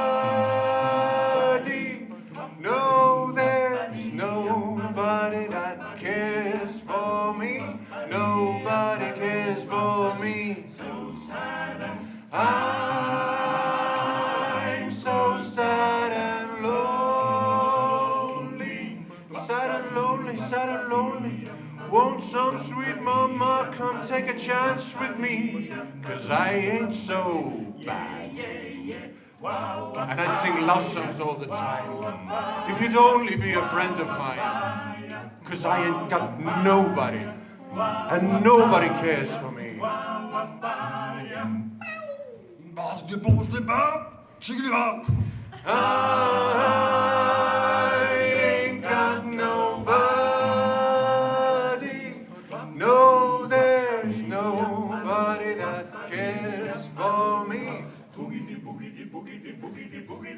mingisugusel üritusel oli Rumal Noorgu mingil aastaid hiljem Voice Force'il. Voice Force oli siis ka After Sixi korraldatud a capella bändide kontsert, Kartkriips festival. kõige ägedam a capella bänd, mida ma seal nägin, oli Soome Fork. see oli no Forkist ma olen kuulnud ka, minu arust sa kunagi tõid mulle plaadi Forkist. ja, ja. Et äh, Rock Cafe's sihuke noh, täpselt Voice Force'i publik ehk siis nagu siuksed a capella entusiastid ja, ja sul on bänd laval, kes teeb sihukest show'd, et neil oli, mis see, puldis oli kolm inimest ja neli inimest laval. puldis üks siis oli efektide peal puhtalt, üks oli valguse peal, üks oli heli peal. noh, ega show ja siis mina olin oma õlleklaasiga Rock Cafe's äh, toetamas lavaservale, vaata, vaatan ühelt poolt näen publikut, teiselt poolt näen bändi ja ma näen seda sädet, mis seal vahel põrgatab edasi-tagasi ennast. see nagu järjest kruvib üles ja üles ja üles. sihukest, noh, inglise keeles öeldakse perfect storm on ju, et sellist asja ma ei ole ühelgi kontserdil enne ega pärast näinud.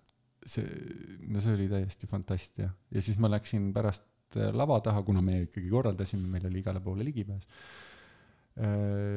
ja nägin, kui läbi bänd sellest oli. et see ongi, et nii kaua, kuni sa laval oled, sa saad seda energiat, sa annad tagasi, saad võimendust ja, ja noh, sa, sa suudad seda teha nii kaua, kuni sa selle särtsu peal elad. jah, ja siis, kui sa sealt ära tuled ja see särts ära kaob, siis sa oled nii tühjaks pigistatud, et nagu sidrun. nagu sidrun või isegi väiksemat sorti laim. jah, väike tattel, veits kuivanud. noh, kui me peame siin juba niimoodi. Nii. käisid ära, nägid Forki, nägid äh, rumalat noorkuud, ei tahtnud ja rumalat noorkuud, teha noh, siis, siis ma, see esimene kord ma ei näinud Forki ega Rumalat noorkuud ega midagi, siis ma nägin After Sixi ja sellest mulle piisas ja, ja siis, kui nad siis asendusbassimehe otsimise välja kuulutasid, siis ma läksin ja, ja proovisin ka. Ja kuidagi vist oli see, et mind võeti mitte sellepärast, et ma kõige puhtamalt laulnud oleks, vaid et mu inglise keele hääldus oli kõige parem. vähemalt mingi kasu sellest. kuidas üldse nii läks, et su inglise keele hääldus oli nii hea? Inglise kolledž, ahaa, vot näed, kus koer on maetud. ja miks on üldse nii, ma just mõtlen selle peale, et Rumal Noor tegi ka suht eestikeelset äh, muusikat, et ma saan aru mm., see ilmselt ka imponeeris, et After Six tegi ingliskeelset äh, Oh. repertuaari või pigem jaa, ei natukene võib-olla see, see, tolleaegsele minule küll jah, et ma olen õppinud eesti keelt rohkem armastama vahepeal, aga sel hetkel vist nojah, seal kuskil keskkooli lõpp, ülikooli algus ma olin, olin veel natuke seda meelt, et ei kuule, inglise keel on ikka palju ägedam keel, mis asja. eks see oli ka muidugi sellise aja algus minu arust mm. -hmm. Eestis ka, kus päris palju äh, tuli peale seda nii-öelda välismaist äh, noh, kasvõi äh, telekast ka seriaale, filme, kõike, et see siukene see inglisekeelne no. kultuur nagu hüppas peale vaikselt eks nagu seda, Eestisse. Seda oli selleks ajaks juba mingi kümmekond aastat tulnud. nojah, ja internet ja kõik on ju, et see ja. nagu ja kuidagi võttis tuurid peale. ma korra küsin siia vahele seda, mida ma juba enne tahtsin küsida no,, aga, aga ei küsinud, oli see, et äh, mis on sinu jaoks loovus äh,? seoste tekitamine äh,. seoste tekitamine nend-, eriti nende asjade vahel, mis, kus sa ei, alguses ei oska seda seost isegi näha. et noh, olgu see siis nagu see, et ähm, nagu, nagu see laulusõnade kirjutamine, kui sul on, on ju skript ees ja teiselt poolt meloodia ja silbijaotus ees, on ju, ja siis sa tekitad sealt mingeid täiesti uusi seoseid. või, või noh, kasvõi see seos, et sa paned need kaks asja omavahel kokku juba on nagu sihuke uue seose tekitamine. mulle jubedalt meeldib üks äh, Youtube'i sari nimega Everything is a remix, soovitan vaadata, nüüd see autor hakkas sellest uut versiooni tegema siis nagu läbi ajaloo ja läbi erinevate kunstivormide näidata seda, kuidas ja teaduse ka, et, et kuidas nagu äh, kultuuri areng äh, tegelikult käib ja üldse noh, õppimise protsess ka kõik käib läbi kopeerimise mingist hetkest, et, et, et sa alguses kopeerid, siis sa ehitad sinna peale midagi uut mm. -hmm ehk siis nagu selles mõttes ütleme, mis toimub autoriõiguses juba viimased mõned sajad aastad on nagu natuke nukker. teadusmaailmas on see nagu oluliselt parem, et, et noh, seda, seda peetakse positiivseks, kui sa tsiteerid kellegi teise varasemat tööd ja selle peale ehitad midagi uut muusikas miskipärast alati seda ei peeta nii positiivseks, aga noh, kui autori surmast on juba üle seitsmekümne aasta möödas, siis see on okei okay.. no see on ka jah kummaline, vaata, et kui sa mõtled selle peale, kuidas vanasti muusikat ja kunsti tehti, on ju, et tegelikult mm -hmm. ju läksid äh, noored kunstnikud või muusikud äh, kellegi nii-öelda juba, juba nagu nii-öelda nime teinud helilooja või kunstniku käe alla õppima mm. -hmm. kõigepealt nad õppisidki kopeerima, siis interpreteerima oma stiili, on ju, ja seda ei nähtud kui suurt probleemi, aga ma arvan, et natukene ma natukene nagu norikski selle kallal, et kas tänapäeval ähm, see, et nii palju patenteeritakse ja nii palju nagu äh, kaitstakse autoriõigusega ära mingeid asju, et kas see tegelikult ei hoia tagasi seda loovust või sünergiat, mis võiks tekkida või millest võiks tekkida midagi uut? tegelikult pannakse nagu plokk peale. minu, minu meelest hoiab ja noh, ongi see, et kuna nagu kõik need autorikaitseseadused on algselt mõeldud selleks, et just kaitsta autorit, et ta oleks loovam. noh, igal mündil on kaks külge, onju, et kui see töötaks nii, nagu ta võib-olla algselt mõeldud, kusjuures tegelikult on ajaloost isegi näiteid, mis tõestavad, et see pidurdab progressi juba nagu mõned sajad aastad tagasi. Inglismaal oli tööstuslik revolutsioon ära, siis ilmus sinna autorikaitse või autoriõigus. ja Saksamaa oli natukene Inglismaast maas, aga Saksamaal ei olnud veel selliseid seadusi ja Saksamaa võttis päris kiiresti järele, sest et keegi andis mingi raamatu välja, kõigil oli vaba voli seda ümber trükkida nii-öelda mm. -hmm. ja, ja siis oligi see, et, et noh, õppisid eristuma siis need nii-öelda originaalväljaandjad, et nad tegid siis nagu natukene fancy ma siukse hardcover, eks ju, kallimad materjalid, et noh, et sa, sa tunned, et sa saad oma raha eest midagi, onju, ja siis need, kes tegid siukest odavat koopiatrükki, noh, need siis nagu aitasid sellele kaasa, et see asi levis rohkem. ja läbi selle inimesteni jõudis see uus info kiiremini, praegu noh, interneti ajal nagu väga vahet ei ole, et see ikka võiks ju nagu jõuda, samas teadusartiklite andmebaasid on kohati nagu lukus ja maksa, et midagi näha või lugeda, see on nagu noh, milleks informatsioon võiks olla vaba yeah,. Sharing Ütleb, is caring. jaa, hipi minu sees lõi välja praegu jälle milline on sinu jaoks äh, esimene mälestus, mis sul seostub loovusega ma ei tea, kuidas see, kuidas see praegu seostus, aga mul lõi, lõi ette sellise momendi, kus mu ema üritas mulle klaveri peal õpetada heliredelit, noh, mitte, mitte mängima, vaid laulma eelkõige, et noh, et laulis, ütle too too, näed, et selle, selle noodi peal ütle too, ja siis äh, re. ma nagu, kuule, ei pea veerima, ma oskan küll, see tähendab tore ju kui vana sa võisid siis olla? kolm-neli, midagi siukest, noh, väike. aga tema ise mängis klaverit? no ta selles mõttes nii palju, ta teadis, et kus on do re mi, eks ju, et noh, et heliredelit ja rongisõitu mängis, ma ei tea, et ta oleks otseselt klaverit õppinud, tema oli rohkem sportlane. ja millega su isa tegeles? isa oli ajaloolane, sotsioloog ühesõnaga Ja- kõik väga loomingulised lähenemised. ja, ja muusikakooli, laste muusikakooli lõpetanud mm. ja siis oli see, kui ma kunagi ütlesin talle, et aga kitarr on ka äge pill, et selle saab kaasa võtta ja igale poole minna. Siis ta pidi tunnistama, et on jah nii, et klaverit on oluliselt raskem kaasa vedada, aga kui sa lähed sinna, kus klaver juba olemas on, hakkad klaverit mängima, vaata, kus kõik naised tulevad ümberringi. ma saan aru, et see oli siis tema see inspiratsioon, miks klaverit mängima õppida. no talle on alati, talle meeldis jah tähelepanu ja kõlab nagu keegi teine, keda ma tunnen mm. ja tean, kes istub mul üle laua siin, kellel on ka tähelepanuga täitsa omad lood. ma arvan, et äh, võib-olla üks nendest põhjustest, miks sa kogu aeg lavale kipud ja mm. igasuguseid bände looma hakkad, võib-olla ongi see, et sul on väike vajadus, januned siin natukene inimeste tähelepanu vastu. me kunagi ühe kolleegiga ja minu kunagise õppejõuga ja vist te olete ka kolleegid olnud, Andres Kütt Mm mm. -hmm. temaga tegime ka koos bändi Ahah. Riigi Infosüsteemi Ametis, bändi nimi oli Varia. Ma küll seal väga pikalt ei olnud, ma jõudsin seal olla mingisugune neli, neli-viis kuud, aga, aga selle aja jooksul, noh, esimene päev, kui ma sisse tulin, nägin Andrest, ütlesin, et kuule, ma kuulsin, et teil on siin bänd, tekita mulle võimalus bändi sisse tulla. ja siis põhimõtteliselt lõin jalaga ukse lahti ja olin nüüd bändi uus laulja. küll, küll esialgu taustalaulja, aga siis me hakkasime soolosid ka omavahel vahetama ja, ja noh, selles mõttes saime hakkama. See taustalauljaks olemine vist ei ole väga sinu stiil või? ei, see on täiesti, mulle meeldib äh, tegelikult ähm,, see on raskem kui solist olemine, sa pead mingitele reeglitele vastama ei ole ruumi See- improviseerimiseks on- väga. natukene on, aga, aga nagu oluliselt kitsam on. Sinu vastutus on see, et sa saad aru, kuidas äh, solist laulab, eks ju. et sa temaga kogemata ühte nooti ei laula, kui sa ei peaks seda tegema ja. ja üle ei säraks. ja just, et teda üle ei karjuks, on ju, et see, mul ei ole midagi selle vastu, et olla back-laulja. siis saab ka natuke tähelepanu. ühesõnaga peaasi, et saab laval olla, vahet Ja, pole ja, millises ja. vormis või see, no formaadis. see on siuke sõltuvust tekitav tegevus jah. ma olen seda juba ammu tajunud, et see, sellest enam lahti ei saa. Kumb oli ennem, kas Penthouse Nine või neljapäev? neljapäev oli enne. neljapäev oli enne. kuidas juhtus neljapäev ja mis on neljapäev üldse? neljapäev on ähm, nädalapäev.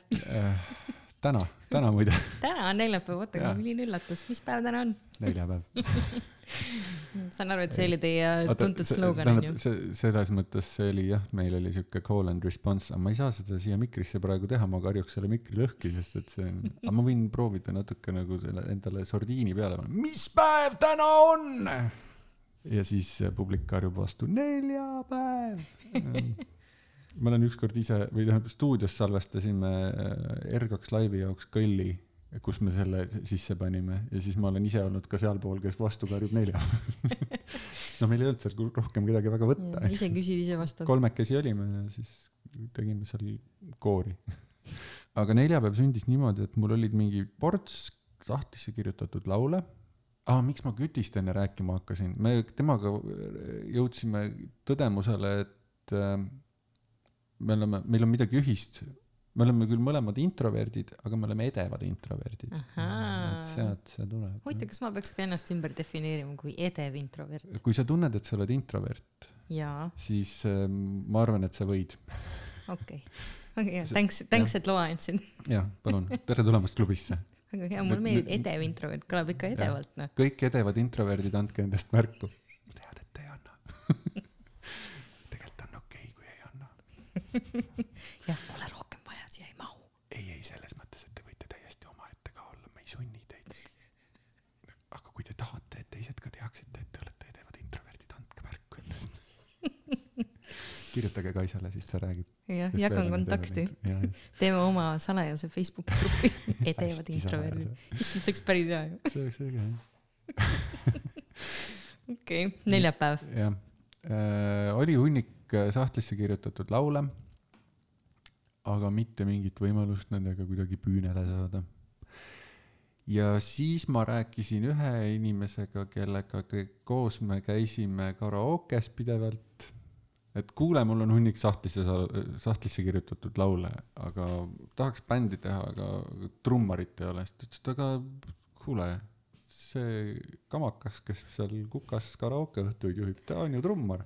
ja, ja siis, siis oli see, et okei okay,, no nii, nüüd on nagu trummar on olemas, kitarristi ma teadsin ka, Flake. aa, okei, nii. et äh, jah, see on nagu pull, et Mardiga me tutvusime Jutukas vana hea. äh,, siis me tegime koos bändi, aga enne kui bänd lavale jõudis, läks tema Tartusse õppima ja bänd jäi temast ilma. siis äh, ta tuli Tartust tagasi ja me tegime jälle koos bändi.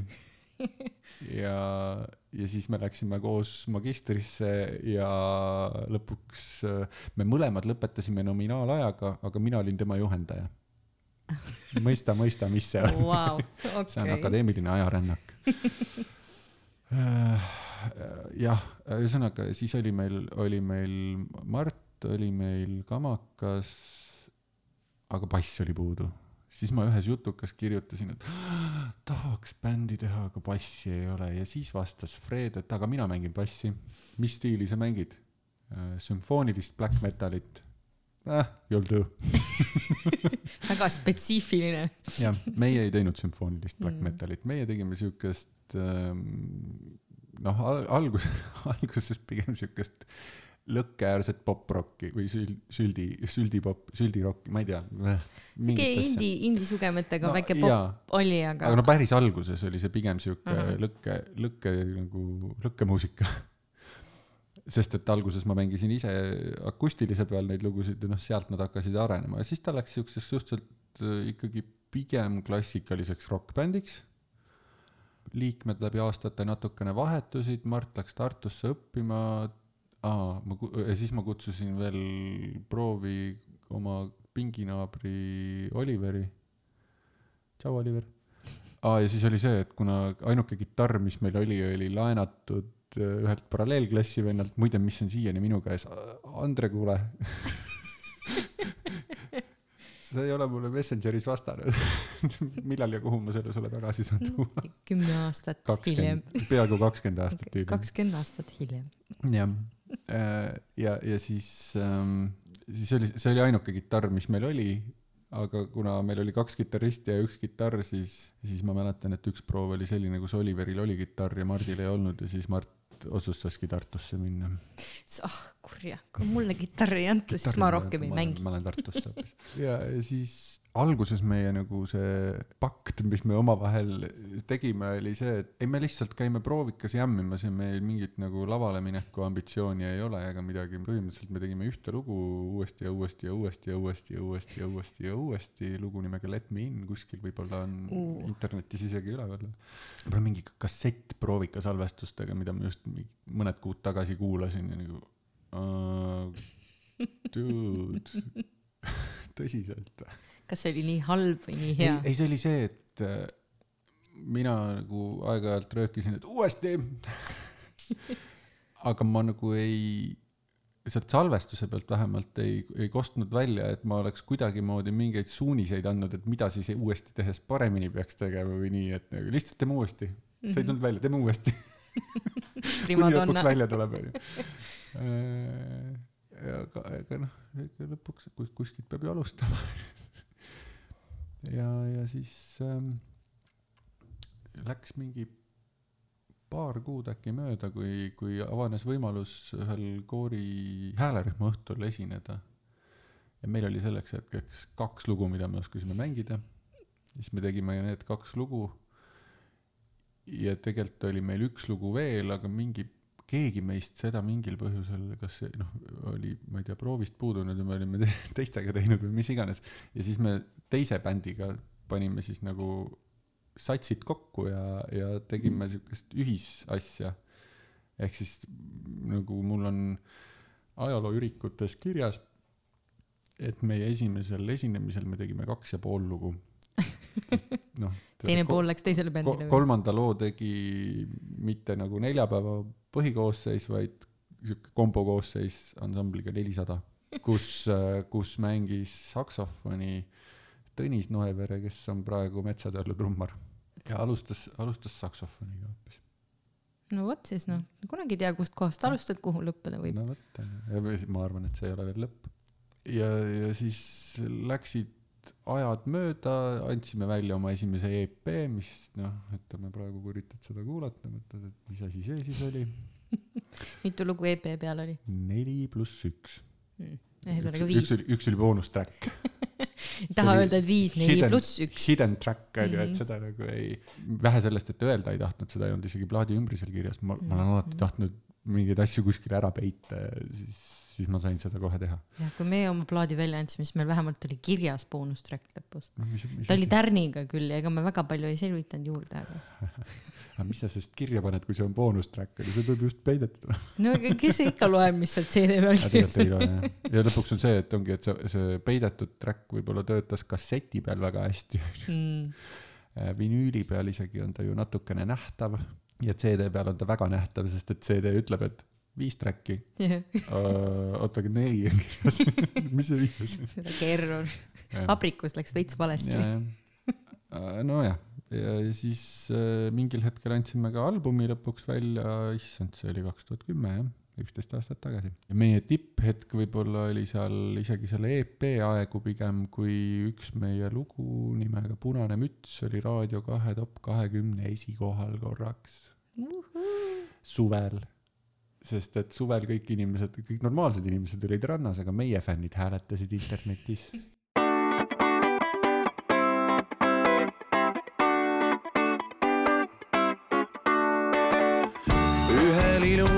õhtul läksin värsket õhku hingama. nägin puid ja põõsaid, mis mu lapsepõlve metsaradu ääristavad. ega pannud üldse tähele, et puude all ka prahti vedeleb. läbi metsatukka jõudsin jalutades lagendiku servale. võtsin kopsud õhku täis ja tõstsin silmad taevasse. siis langevat tähte nägin ja teda enda kõrval märkasin. tal oli punane müts ja punane mantel, lumised saapad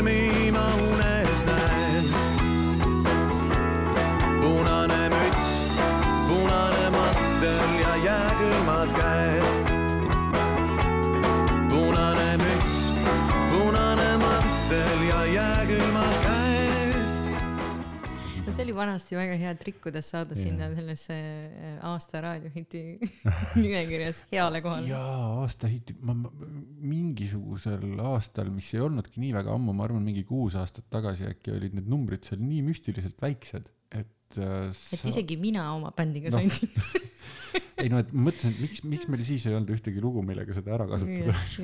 oleks ju mõne vana loo võinud võtta. aa, ja siis, oota, kui nüüd Raadio kaks pidas sünnipäeva, see on võib-olla kõige õh- uhkem moment. kui Raadio kaks pidas sünnipäeva, siis neil ühel päeval käis seal mingit oma, ma ei mäleta, mitut lemmiklaulu mängimas äh, Andres Kõpper ehk, ehk Noepp, ma keeldun Mhm. nööp ütlemast. ja nüüd ma ütlesin seda. kuna E peal on täpid, siis E hääldub välja. ja üks tema lugu oli mingi neljapäeva lugu ja tal oli sinna ju- juurde väike lugu ka.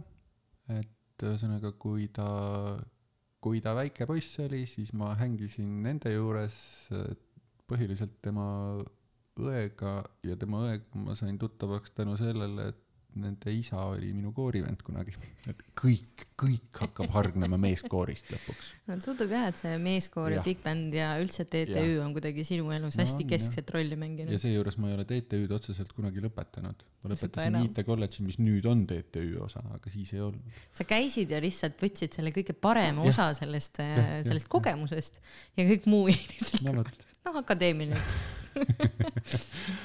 aga ja, ja noh, samas nüüd ma olen seal piisavalt juba ju ka juhendanud ja, ja teinud muid asju, et, et. Ringiga tagasi.. jah, jah, nii et ikka.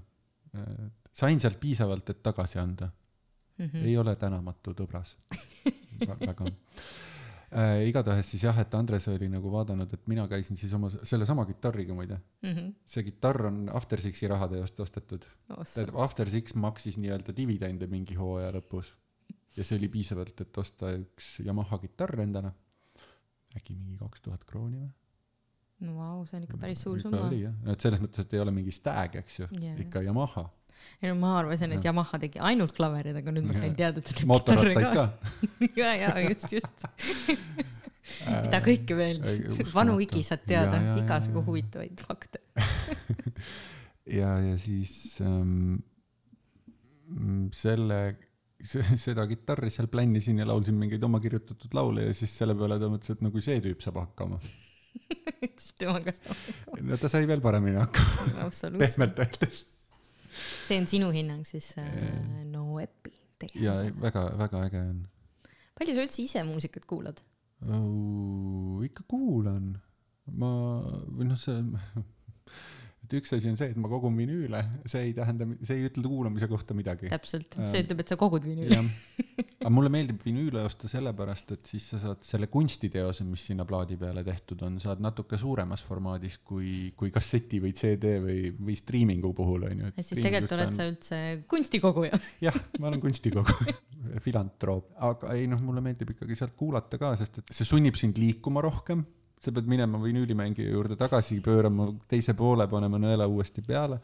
ja siis vahel on mingeid ägedaid asju ka, mida vinüülidega tehakse, näiteks ähm, Jack White'i album Lazaretto, selle vinüül on nagu no sihuke kollektsionääri unistus, et vähe pole ma ei tea, mingi neliteist erinevat trikki, mida vinüülidega teha annab, on seal ära tehtud, et äh, üks pool mängib seestpoolt väljapoole, teine väljastpoolt sissepoole, üks pool on matt, teine pool on läikiv, üks pool on ah, ja siis ühel pool on niimoodi, et äh, esimese loo algus on paralleel äh, nendes soontes on, on akustiline ja, ja elektriline. Ja oleneb sellest, mis hetkel sul nõelplaati tabab, kumba sa siis kuuled ja siis mingil hetkel ta nagu jookseb kokku, see ülemineku koht ei ole vä- väga sujuv, see noh, selle ikka kuuleb välja. aga kui sa sel hetkel keskendunult ei kuula, siis äkki ei pane tähele isegi. kui sa tantsida üritad selle järgi, siis ei tööta, sellepärast et ta viskab biidi natukene sassi. ja siis on see, et tal on äh, mingisugused äh, hidden track'id kuskil seal täiesti etiketi peal ja kolmes erinevas kiiruses on võimalik sealt midagi mõistlikku välja kuulda Vau. nii et nagu ja siis teine äge asi, mis ei ole üldse nii nagu trikke täis äh,, aga ma ei mäleta, mis orkester see oli, aga igatahes ke- keegi otsustas ühel hetkel, et Ravelli Bolero, mis on, eks ju, sihuke pala, mis algab vaikselt ja kasvab ja kasvab ja kasvab ja kasvab ja kasvab kuni lõpuni välja.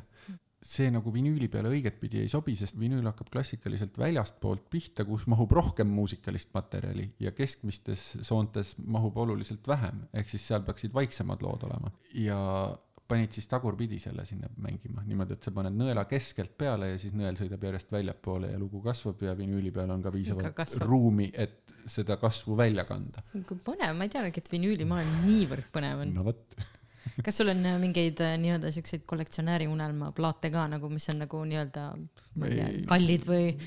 mul on mõned, mõned siuksed originaaleksemplarid autogrammidega, mis on lihtsalt nagu minu enda, kas mingite sõprade või, või, või noh, selliste bändide omad, mida ma lihtsalt fänn on, et, et noh, on jah piiratud tiraaž, aga, aga nagu mitte, ma ei usu, et see kunagi nii suureks saab, et seda võiks näiteks e-base müüma hakata ja mm., ja miljoneid teenida sellega. ja ega ma siis ei teeks ka seda ilmselt. ega see vist ei ole su eesmärk. jah, et pigem nagu jah, koguda seda muusikat, mis mulle meeldib ja noh, seal on nagu teatav sihuke võlu ka, et sa striimingus sa ei saa põrsast kotis. sa paned mängima ja sa kuulad ära ja on kõik, onju, et sellega, vinüüliga on see, et lähed kuskile plaaditurule, ostad midagi, sa ei tea enne, kui sa kodus selle nõela peale paned, et mis seal täpselt peal on. et nagu natuke sihukest põnevust ka. väike sihuke üllatusmuna sulle. aga muidu muusika kuulamise puhul jah, et ma, ma, tegelikult ma ikkagi striimin põhiliselt. aga kuulad sa muusikat igapäevaselt? üldiselt küll jah, ma kuulan neid raamatuid, eks ju, aga kui ma ei jaksa raamatut kuulata, siis ma lähen muusika peale. ja kui ma eelmine sügis tegin seda Tallinna maratoni virtuaaljooksu, kuigi ma tegelikult tegin seda kõndides. A gentleman will walk but never run. näe jälle ma tsiteerisin ühte poeeti no. Stingi küll seekord onju. Ma tegin seda nagu nelja jupina ja siis nende juppide aegu järjest parandasin. ja, ja lõpuks oli see, et kui ma oma kõige kiiremat kõndi olin tegemas, siis mul sai poole pealt raamat otsa. mis, mis ma teen? aga mul oli üks album, mida ma olin just natukene nagu otsast sample inud. noh, mitte selles mõttes, et ma teeks sealt mingeid äh, remix'e või midagi, vaid no lihtsalt tea, natuke, natuke katsetanud.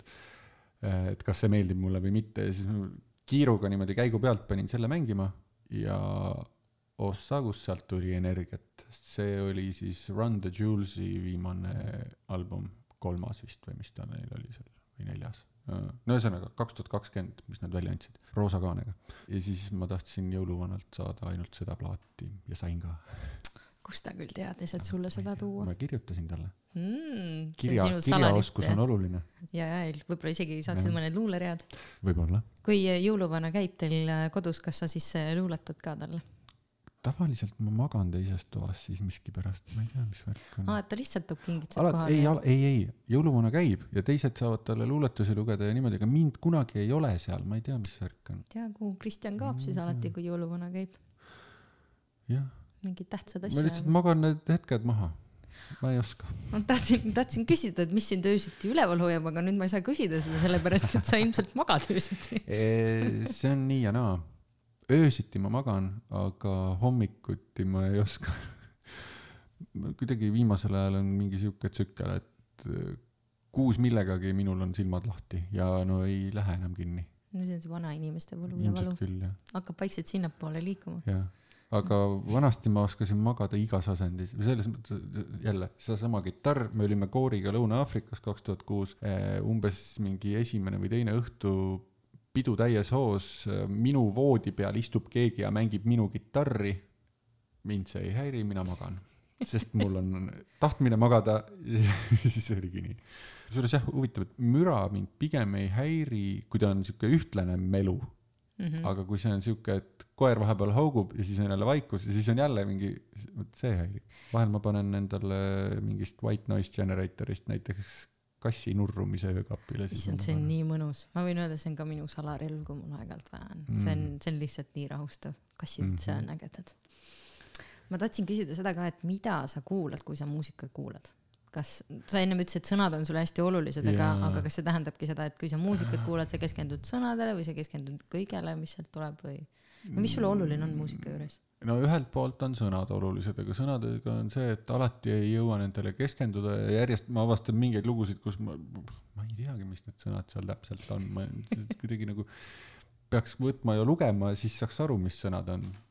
üks mu lemmikbände läbi aegade, näiteks Aerosmith, no katsu sa sõnadest aru saada, mida see Steven seal kriiskab üleval onju, no ei, ei tule. noh, sõnad, eks ju, jah. kui ma neist aru saan, siis nad on mulle olulised miks meil näiteks ähm, imbiga oli probleem kunagi alguses natukene, miks me kirjutasime oma abieluvannetesse sisse äh, selle või noh, mina, mina oma vandesse kirjutasin sisse selle, et ma luban temaga käia Vaiko kontserdil, isegi kui ma üheks, ühestki sõnast aru ei saa. et siis jah, ma saan aru, et Vaiko all sa mõtled siis Vaiko Eplik just nii, ja siis äh, kuulajatele ka, et imbi siis on äh, Kristjani, kuidas sa kutsud teda, abikaasa, naine? jah, ma kutsun teda imbiks üldiselt. Shout out to imbi, sellepärast et. Kristjan ise seda ei teinud, kõik teised said kiituse, aga kuhu jäi imbi? tere imbi.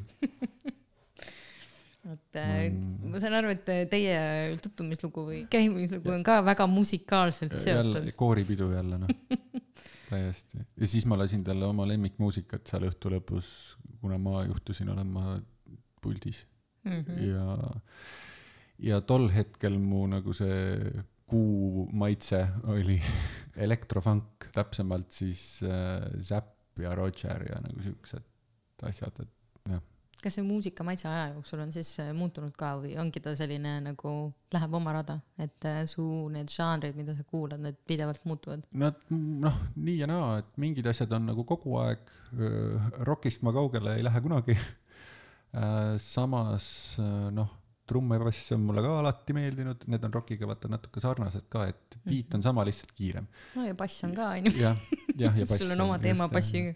ja siis on äh, hip-hop, mis mulle kunagi nagu, mis see hip-hop on ju, aga tegelikult sain ühel hetkel aru, et kuule, oota, see on täpselt seesama beat, aga aeglasem võta nüüd on ju rahulikult ja, ja kuula, mis sõnum on ja seal on noh, no seal ongi sõnum ju põhiline. kui jõuad ainult kuulata, on ju. noh, oleneb, sest hip-hopi on ka erinevad ja on. kas sa räppi ka kuulad? no seesama Run the Jewels on tegelikult ju sihuke kaasaegsem gängstaräpp ise ei ole mõelnud kunagi räppi kirjutada? ma olen räppinud. isegi neljapäeva albumil, ei sellel EP-l oli üks, üks räpp, aga see ei olnud minu kirjutatud, vaid, vaid selle kirjutas Gert, tšau Gert kes on meil, meil ka üks Musta Posti tegijaid, et ähm, ühesõnaga, sulle meeldib lihtsalt koonduda enda ümber Jaa. inimesi, kes on äh, sinuga koos teinud muusikat ja siis mingil eluhetkel tulevad taas sinu ellu, aga lihtsalt teises rollis. nii on jah äh,. tema kirjutas siis sõnad neljapäeva nii-öelda vaata, et hümnile Valgusme teel, mis natukene sample'is äh, läbi kitarri äh, seda äh, pankrotti. pankrotis oli see nagu just nagu kõlapulkadel mängitud mm, -hmm. ma ei tea, mis see jah just. ja siis neljapäeva versioonis mängis seda elektrikitarr ja siis sinna peale olid siis nagu need räpisõnad mida noh, mina siis pidin nagu veenvalt kaasa rääkima, mul ei jäänud muud üle kuidas sul õnnestus see? ma arvan, et tuli välja küll, et äh, salvestuse ajast ma mäletan seda, nüüd tuli flashback, et ähm, mul nagu noh, okei okay,, refräänis ma pigem nagu laulsin seda nooti, aga ma laulsin seda siukse rokiliku kriiskega, et mul oli siuke tunne, et kohe näos mingi veresoon lendab, sellepärast et no lihtsalt siuke pinge oli taga tuleb välja, et tegelikult ei pea laulma niimoodi, et näos veresoon lõhkeb, sest et saab ka teistmoodi häält tekitada, aga okei okay,, see selleks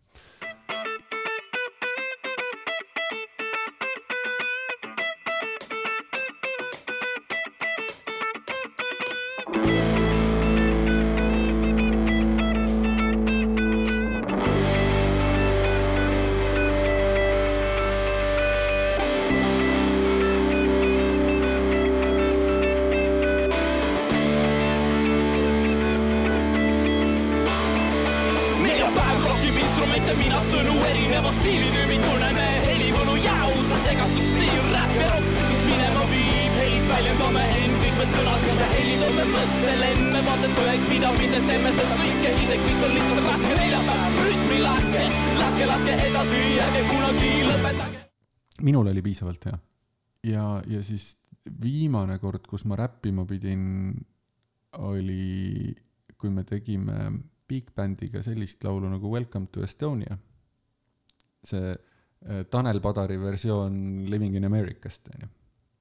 Äh, ja seal on üks räpikoht ja siis kõi-, kõigepealt oli see, et me tegimegi seda niimoodi, et äh, ma laulsin Tanelile back'i ja siis Tanel kui see lugu läks kordamisele, siis kui räpi koht tuli, siis ta lükkas mulle ka nagu või noh, mitte ei lükanud mulle oma mikrit, vaid ütles, et räpi nüüd onju näitas sõnu ja siis ma siis nagu veeresin sealt, aga noh, see oli sihuke möödaminnes.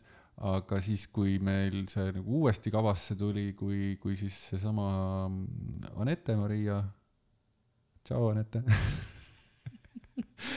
siis seda laulis siis ta ütles, et aga ma seda räpi kohta ei tahaks teha, et räpi sina. ma siis räppisin, ma mõtlesin, et noh, jah, okei okay. kui midagi muud üle ei jäänud, et siis kannatad ära. et, et noh, et, et kui, kui, kui sobis nagu JOC-le, siis peab mulle ka sobima. mis sind üldse motiveerib äh, kord ja kordi selle muusika juurde tagasi tulema, kas see on sinu jaoks paratamatus või on see, ma imestan selle küsimuse üle, ma oma arust ei ole äragi läinud, ma olen kogu aeg seal. ei ma seda ei mõtlegi, lihtsalt, et nagu ei, sa ütlesid tagasi tulema, et ma lihtsalt ei, noh. korduvalt tulema ja tegema. ja mingis uues. jah, uues koosseisus uues vormis, sellepärast et sa oled väga palju erinevaid asju katsetanud. ja kas sa ise neid üldse katsetustena näed, see on võib-olla sellel hetkel täiesti loomulik sinu jaoks, et nii peabki olema, see on järgmine just next best thing no nagu. näiteks, et äh, räägime siis Penthouse'ist. jah, see juhtus nii, neljapäeval oli oma proovikas. minu koorivend Bent, toona, toona koorivend onju, kellega koos me olime teinud siukest bändi nagu Before Sex.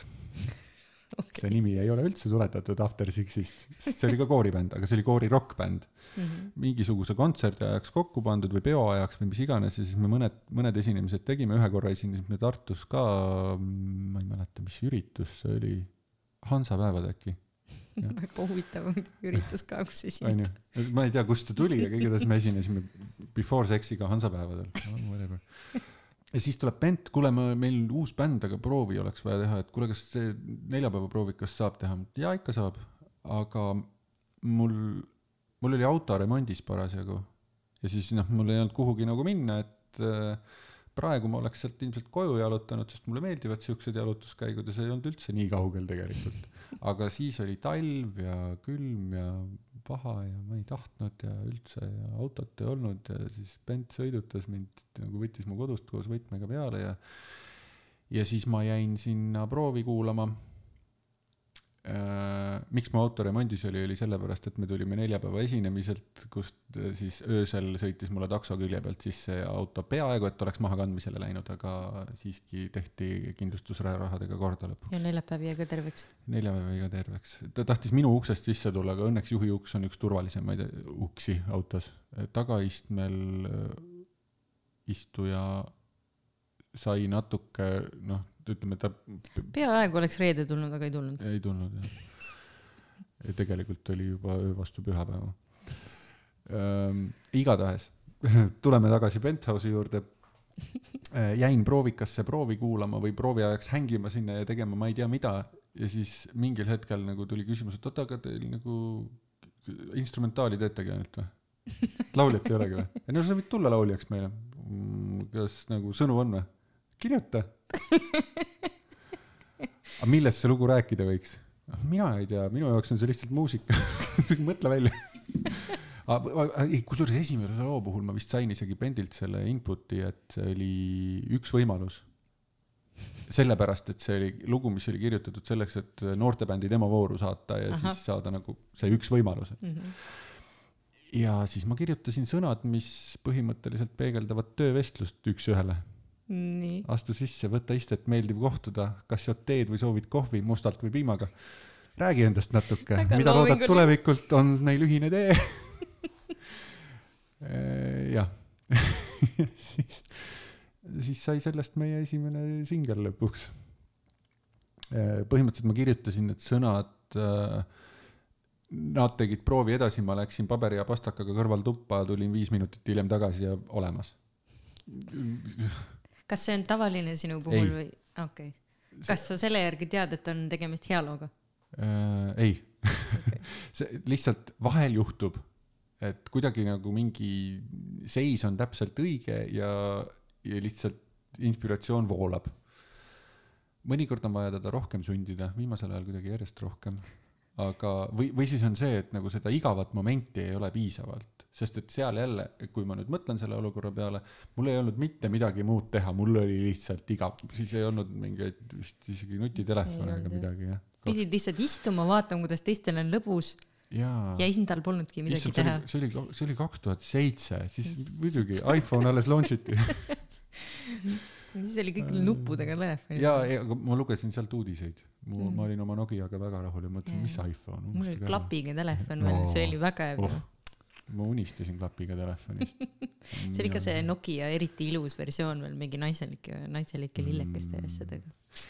imbil oli mingi Nokia sihuke mitte nagu noh, mitte nagu niipidi liikuva klapiga, vaid sihuke pöörava klapiga mm, -hmm. see oli wow, see oli ikka üle, üle küla telefon. okei okay,, see selleks. kirjutasin loo, äh, saime äh, demovoorust edasi, aga poolfinaalist edasi ei saanud. Äh, kuidagi nagu midagi, midagi oli valesti, tempod läksid liiga kiireks, kõik olid natuke ebakindlad laval, noh, tead, esimene live, mis sa tahad. aga aasta hiljem me saime juba finaali. Paraku me olime finaalis esimesena laval, mis tähendas äh, seda, et poolt žüriid veel ei olnud. Nii et natuke lootusetu oli, oli meil üldse sealt nagu midagi väga kõrget koju tuua, aga midagi me sai, saime, mingi, mingi eriauhinne või midagi, aga issand, ma ei mäleta, kes tol aastal võitis, vahet ei ole. Tenfold Rabbit ei olnud? ei olnud, ei olnud, see oli, see oli hiljem jah. seda ma oleks mäletanud, sest et Tenfold Rabbiti eelmine iteratsioon, siis ansambel Meelik, neid ma fännasin. et huvitav on see, et nagu Andres sai minust inspiratsiooni muusikat teha ja siis ta hakkas tegema sellist muusikat, mille peale ma vaatasin, vau et sina tahaks, inspireerisid tahaks, teda? jah, et tahaks ka muusikat teha või midagi mitte, et ei oleks juba teinud. nojah, ja, ja siis lõpuks Penthouse ka arenes läbi erinevate mingite koosseisude. meil oli ka mingeid piinlikke momente, kus, alas ta jääb kas te Penthouse Nightiga mitte ei käinud ka Terevisioonis?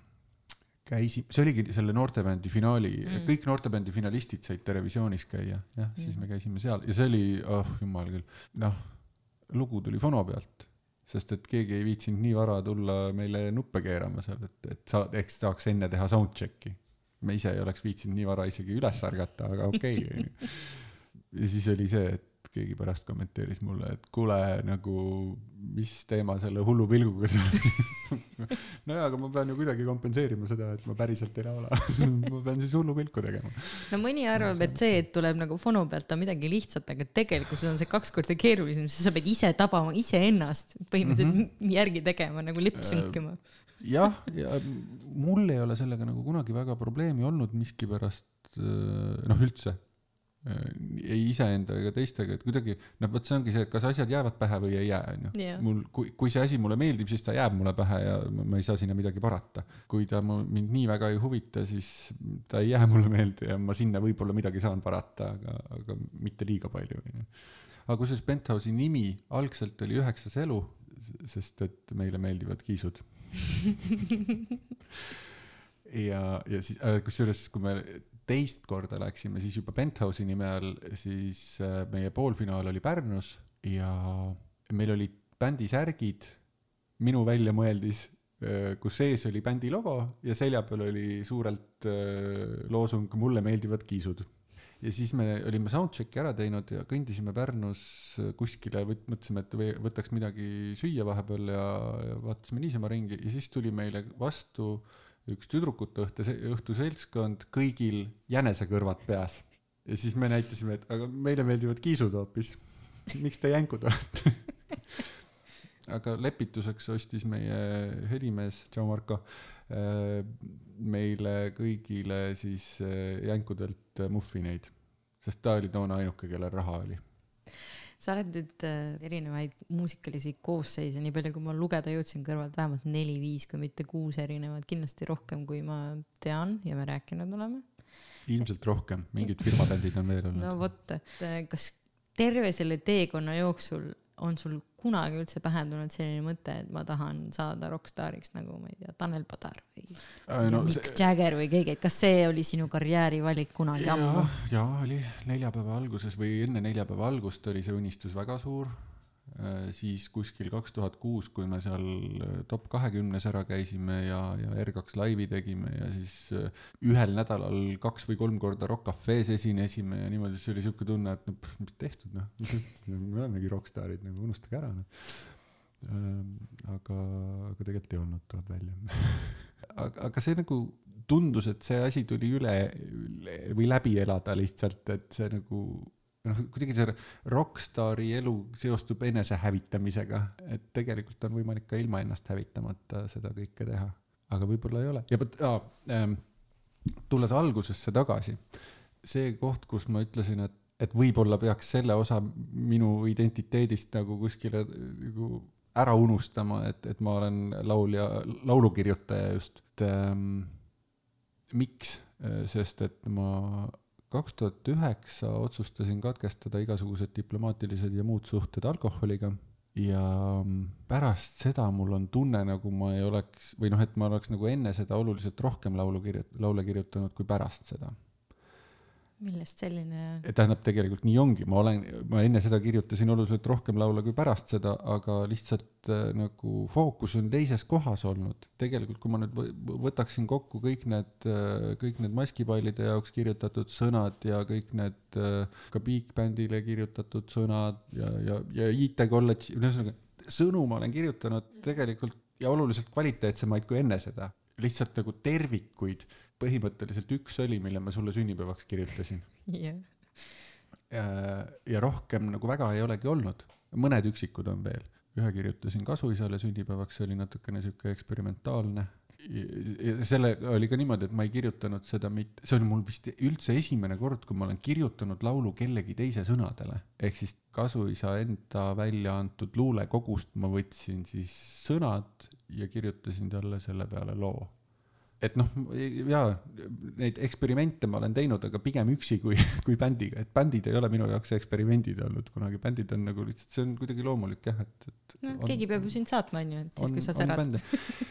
või siis, või siis on see, et eh, noh, nagu Penthouse'i puhul oli see, et kui, kui Bent nii geniaalset muusikat kirjutab, siis võiks ju seal ka mingisugune vokaal juures olla, et see nagu kuidagi mulle tundub, et nagu laul jõuab suurema publikuni kui instrumentaal. et instrumentaal on kuidagi nagu sihuke nišikas rohkem, et see on ähm, eliitvärk, noh, et seda muusika, kuulavad muusikud, just, just, aga tavainimene kuidagi jah, seostab ennast paremini nagu nende sõnumi või sõnu, sõnadega jaa, onju, et sellepärast nagu tihtilugu et kipub selle, selle kaudu nagu sinna muusikasse sisse rebida ja noh, et selles mõttes, et saab ju väga ägedat muusikat teha ka nagu teksti ümber, et ei pea tingimata olema ainult ähm,, ainult instrumentaal. kas, kui sul oleks võimalus praegu nüüd äh, tagasi keerata nii, ma ei tea, viisteist, kakskümmend aastat, mida sa soovitaksid äh, oma nooremale minale, et tema teekond äh, loomingulisel teel läheks lihtsamalt? tead, ma ei muudaks midagi, ausalt, selles mõttes, et nagu iga selle asjaga on olnud nii palju siukseid äh, erinevaid elamusi, olgu siis positiivsed või negatiivsed aga ma arvan, et see ongi see, et nagu mingid asjad, mis tunduvad nagu täiesti juhuslikud, vot seesama, et äh, sattusin autoga avariisse, siis olin bändiproovis ja siis nagu Mm -hmm. äh,, kui, kui tõenäoline see on. et kui ma nüüd kakskümmend aastat nooremale minule soovitaksin midagi teistmoodi teha, siis ta ei satuks nendesse olukordadesse ja siis ma ei oleks enam see, kes ma praegu olen, et, et ma eh, selles mõttes olen nagu natuke fatalist või nii. Aga kas sa annaksid talle mingit nõu äkki lihtsalt? ma ei tea, ei või- võib-olla see, et äh, ära, ära ülbeks mine. Mm. on juhtunud või? no ei, omal ajal jah. et noh, võib-olla midagi, mida, et äh, äkki, äkki saaks kuidagi niimoodi, et hävitaks vähem ajurakke, sest et noh, siis kui ma, kui ma maha jätsin pärast seda nagu on olnud mingid momendid, kus avastad, et tegelikult on võimalik ilma alkoholita seda kõike veel isegi paremini teha, kui, kui enne tundus, et ilma ei ole üldse võimalik. mingi bändiga lavale minnes oli see, et mul oli nagu raudne reegel, et ma pean ikkagi ühe liitrise roki enne ära jooma, kui, kui ma lavale lähen, sest muidu mul ei ole hääl lahti. maailma kõige jaburam aga vabandus., aga häält. lahti ei laula. ja ei muidugi joon hääle lahti. väike pits hinge alla nagu öeldakse, aga see polnud ka pits, see oli muidugi eriti gaasiline jook, mis üldteada-tuntud minu teada häälele head ei tee. no parem sidrunivee joomine on ka rohkem ta annab seda rokiks vajalikku kärinat natuke. ei no kui vaja on leida vabandust, siis leiab muidugi. leiab ja siis on vahepeal hea röhitseda lugude vahele. kasutad seda nagu rütmipillina. Kas sul oli mingeid äh, siukseid müüte või uskumusi ka nagu muusika kohta No see- siis, kui sa seda tegema hakkasid? see, see oli küll, noh, see oligi selgelt, et kaine peaga ei saa teha normaalselt Mhm. no midagi peale selle ka. millega sa tegelenud oled või millest sa nüüd tunned, et oled lahti saanud ma ei tea, mul, mul mingisugused ebausud on mul siiani näiteks. Mingi Et- väike õnnetalismann või? ja mul on äh, siuksed äh, muusikasokid, mida ma ostan alati, kui ma näen neid müügil, et ma ostan neid juurde, et, et kui nagu ühed ära kuluvad, siis on mul varu alati võtta, et ma ei peaks kunagi ilma noodisokkideta lavale minema, kui kui mul ükskõik mis esinemine on, isegi kui ma ei laula, isegi kui ma olen õhtujuht või mis iganes, siis ma noodisokid. no,, noodisokid lähevad jalga jah. ja alati läheb hästi. ei lähe, aga ei noh, mis siis. sa nagu ei kahtle neil selles, et nendes sokkides Ei, ei ole ei, ei., tule nagu midagi, sa on, lihtsalt garanteerid., siis on oma viga, kui hästi ei lähe. vähemalt sokid olid jalas, see on nagu. ja, ja, ja oota, mis mingi mõte ah,, tähendab, ma tahtsin nagu ajajoones tulla veel tagasi sealt äh, sellest autoavariist mm. -hmm. mis juhtus enne seda üritusel, see oli nagu järgmisel abstraktsiooni tasemel see, kui midagi läheb tuksi nii, tegelikult oli see, et taheti alguses tellida Before Sexi. ma ütlesin, et Before Sex ei töö, ei tegutse enam, aga ma võin pakkuda neljapäeva. okei okay,, läheb neljapäevaga, aga kas te ikka nagu rokite korralikult? jaa, me rokime korralikult, okei okay.. meil oleks vaja, et firma jõulupeol, noh, et teeks nagu noortepeo, et vanainimeste sülti on olnud seal küll, et tahaks nüüd nagu korralikku siukest rokk, rokkimist, noh. ja no siis äh, mõeldud-tehtud, lähme rokime, tegime soundcheck'i ära. esimene sett algas vist umbes mingi kell kuus, tundub natuke vara. aga noh, pahaaimamatult läksime lavale, hakkasime rokkima nagu tellitud, vaatame küll, et inimesed istuvad laudades ja on just saanud esimese käigu ette ja, ja toit jääb vaikselt kurku kinni selle rokkimise peale, aga no mm, tellitud on, teeme ära. Siis tuleme lavalt maha, läheme backstage'i, kuhu tuleb firma finantsjuht ja sõimab meil näod täis. stiilised poisid, kui te tahate rokkida, minge Rock Cafe'sse, see ei ole see aeg, see koht, see pidu. see siis tema kolleeg, kes meid tellis, on tema selja taga ja näitab käega niimoodi, et ärge, ärge kuulake, et vahet pole. meil oli raha juba käes, mõtlesime, et noh, tegelikult pidi kaks seti veel olema. aga esimene mõte oli see, et nii, aitab, kõnnime minema, meid ei huvita.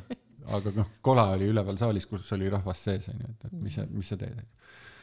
aga tuleme pärast järele või mis iganes aga siis mõtlesime natukene veel ja, ja saatsime siis Lauri, tšau Lauri, meie tol hetkel küll bassimehe, aga muidu multiinstrumentalisti, mängis ka Skype'i bändis. saatsime ta siis lavale klaverit piinama, et mängi mingeid džässistandardeid ja jõululaule ja siukseid asju, et hoia nagu meeleolu.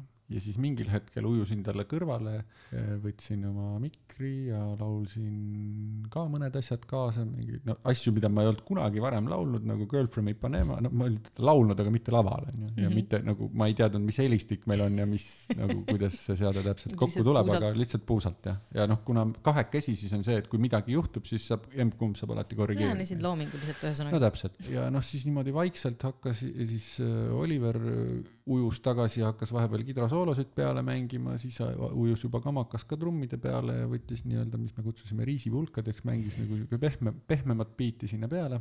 kuni ühel hetkel oli see, et me alustasime mingit lugu klaveriga ja poole loo ajalt Lauri läks bassi peale tagasi ja tegime juba nagu seda kava edasi, mis oli algselt ette nähtud. ja kes oli viimase seti, viimane sett oli juba täpselt nii, nagu me olime selle ette planeerinud. Ja kes oli viimase setis lõpp, seti lõpus see, kes lava ees kõige kõvemini karjus, poisid, tehke üks lugu veel. siis ma arvan, finantsjuht. jep. et äh, see siuke pehmem lähenemine ja, ja niimoodi inimeste üles soojendamine töötas paremini kui kohe laksust peale tee, lendamine. mis tahad, noh jah, et, et mm, se- seal oli küll nagu see tunne, et eh, noh, esimese seti ajal publik oli liiga kaine. ma olin kogu see aeg valesti aru saanud, mitte mina ei olnud liiga kaine, vaid publik. ja, ja kõik oleneb ju publikust, onju. noh, mingil määral oleneb ka see, kuidas sa nendega suhtled ja kas sa saad seda energiat Jah. tagasi saada, aga see energiavahetus, sellele peab ka Mhm. ikkagi mingi nagu väikse sädeme alguses andma, et see ja on no siuke pingpong sa ei saa nagu tühjast kohast lihtsalt virutada, et see tuleb üles soojendada publik kõigepealt. sellepärast on soojendusbändid välja mõeldud. aga meil ei olnud seal siukest kokkulepet, et soojendusbänd oleks, pidime ise soojendama. kas sul on mingeid nõuandeid ka mm, sellisel, ütleme, et praegu kuskil on mõni noor inimene, kes tahaks väga muusikat teha vahet pole, kas ta on laulja või tahab ta kitarrist olla, et äh, kui noh, muidugi kui nõuanne erineb, siis sa võid sellele eristada, aga küsimus on siis selline, mida sa soovitaksid, kus sa soovitaksid alustada sellisel inimesel? Räägi inimestega, nagu selles mõttes, et nagu ku- kust mul bänd hakkas kasvama, oli see, et ma kurtsin, et kuule, ma tahaks sihukest asja teha, aga mul on nagu midagi puudu. ja siis tuli välja, et aga kuule, meil on ühine tuttav, kes teeb seda. no ja nii ongi, see, ja kusjuures see on nii universaalne tegelikult, et see on absoluutselt ükskõik, mida sa tahad teha, kommunikatsioon. lihtsalt räägi. ühel töökoosolekul hiljuti oli ka see, et, et üks seal koosolekul viibija küsis, et aga oota, kas teil on mingisugune eraldi veel nagu mingi kanal, kus te olete seda rääkinud, et või ei, me omavahel jah, otse rääkisime lihtsalt. aa, nii saab ka. suhtlesime inimesega, teate küll, nagu tavaliselt, nagu vanasti tehti. et kü-, kü-, küll äh, üle, üle nagu virtuaalkanalite, aga, aga siiski. selles mõttes ei ole vahet, mis kanalis sa suhtled, kas sa teed seda Facebooki postitusena või sa chat'id või sa helistad, ma ei tea, kas helistamine on tänapäeval nagu koššar või? no mulle sa täna helistasid, ma polnud telefoni enne seda vähemalt mingi kaks kuud kuulnud võib-olla. Ehm, ma sinu jaoks spetsiaalselt panin heline peale. mm, mida ma tavaliselt ei tee. mm. -hmm. no vot, ma olen siuke vanakooli mees, ma No no, helistan. no aga siis saab alati ju ka kuskil chatis kokku leppida, et kuule, teeme näiteks videokõne või, või noh, mis iganes, et, et, et see suhtlus või saame kokku ja räägime otse, mis mm -hmm. värk on, et kui seda sõnumit või, või oma nagu soovi või unistust piisavalt palju kuskile välja pritsida, siis küll see vastus ka tuleb. jah, peab lihtsalt ise rääkima sellest ka inimestega. et sa ei, ei saa loota, et kui sa vaikselt omaette soovid, siis kõik täide läheb. et see on nagu mingi see, et puhu tordiküünlad ära ja siis soovi midagi mõttes, ära soovi välja ütle, muidu see ei lähe täide. vastupidi, ütle soov välja, siis on lootust, et see täide läheb. kusjuures mina võin oma kogemusest ka öelda, et ma olen väga palju suuri ära, asju ära teinud puhtaltki niimoodi, et ma olen mm -hmm. ütelnud kõvasti välja, et ma tahaks seda teha ja rääkinud erinevate inimestega ja see- siis kuidagi see ise nagu teostub seal. on üks asi veel, et sellega, kui sa selle välja ütled, noh, kui see on mis iganes eesmärk on ju, et ma ei tea, ma tahan Philly Joe laval laulda näiteks mm. -hmm. kui ma selle kuskil avalikult välja ütlen, siis mul on juba nagu suurem juba sisemine surve ka, sest et ma Ütlesid ma olen juba. selle välja öelnud, järelikult ma pean nagu se- sellega selles suunas tegutsema, ma ei saa lihtsalt ootama jääda, et appi äkki äkki keegi tuleb ja aitab. sellega seoses, kas sul on äh, mõni lemmiklava, kus sa oled esinenud? Kõige lemmikum lava, rokkbändi kontekstis kõige lemmikum oli sihuke koht nagu Tapper Mm. seal oli alati heli oli no nii, laval oli heli nii hea, lava ees oli ka, seda, aga seda ma mäletan vähem, nii, sest et minu jaoks kõige olulisem oli see, et laval oli hea. Rock Cafe mulle tegelikult väga ei meeldinud, aga Rokafe oli suht kõlakast. jaa, no ta sihuke, akustiliselt oli ütleks, ta et nagu ma ütleks, et kõlekast jah, kõle. et aga kooriga lauldes on see EMTA uus saal, see on täiesti super. et ta on, ta on nagu selles mõttes, ta on sihuke konkursisaal, et iga hääl on eraldi välja kuulda põhimõtteliselt. aga seal laval olles ei ole, ei ole sihukest tunnet, et sa oled nüüd nagu luubi all või, või mm. -hmm. nii. et äh, ükskord ähm, kuskil Argentiinas oli mingi sihuke saal, kus oli tõesti nii, et sa, sa saalist kuuled nagu sa, sa saad aru, et vot tema laulis nüüd mööda. Vii-, viiskümmend inimest on laval ja sa saad aru, kes mööda laulis. ja laval olles oli ka selline tunne, et appi, kõik on näha, nagu see oli sihuke nagu puidust üleni niimoodi, et ühtegi kulissi, midagi kuskil ei olnud, et nagu alasti oleks laval. Ilma filtrita. jah, ja noh, eks selles mõttes äh, Tehnikaülikooli aulalava on väga tuttav, mitte tingimata kõige lemmikum just, tähendab äh, selles, eriti siis, kui, kui meeskoor tegi seal kontserte, kus nad selle saali nagu natukene ümber Mhm. tegid või või seest ära kuidagi dekoreerisid, et siis oli, siis oli seal väga äge. aga noh, tal on, ta on natuke ikkagi sihuke keerulisem ruum, et noh, ta on kast, aga ta on natuke parema akustikaga kui Rock Cafe siiski. ma nüüd mõtlesin, et hakkas seda asja nüüd vaikselt kuidagi kokkupoole tõmbama, ma tean, et see on üpris keeruline, sest sinuga võiks tunde rääkida. me oleme seda tegelikult teinud ka oma elus päris mitmeid kordi ja ma arvan, et äh, tegelikult neid teemasid, millest äh, veel rääkida, oleks no sadu. aga ma küsin enne, kui ma seda asja kokku lõppama hakkan, seda, et kas oli ka midagi sellist, mida sa oleksid tahtnud rääkida, aga mida me ei puudutanud. Minu meelest sai nagu kõik enam-vähem öeldud jah. rohkem polegi midagi öelda. ei, nüüd on kõik jutud on räägitud. okei okay,, no siis mul on äh, sellised äh, toredad äh, viis küsimust, mida ma küsin kõigilt inimestelt, kes siin käivad. oh-oh, Need on hästi lihtsad, ära mõtle kohe, ütle nii nagu tuleb. algu valmis mm. -hmm. skaalal ühest kümneni, kui tundlik või emotsionaalne inimene sa oled? kaheksa, millal sa viimati pisaraid valasid? just täna. tahad sa öelda ka, miks? ma kuulasin mingit raamatut ja see, seal olid mingid emotsionaalsed kohad, mis tõmbasid korraks nagu, siis ma väga palju ei valanud pisaraid, sellepärast et ma olin mingis kolmkümmend pluss kraadi on ju tänaval ja ja noh, see, ma lihtsalt säästsin seda vett higi jaoks, aus. verd, higi ja pisaraid. okei kui sa oleksid mõni loom, siis milline loom sa oleksid? okei okay., meile meeldivad kassid. jaa, sest me oleme hingelt kassid. no ma arvan, et me mõlemad oleme hingelt Jah. kassid, väga hea, mulle meeldib see vastus. kui keegi peaks sind äh, rahvarohks,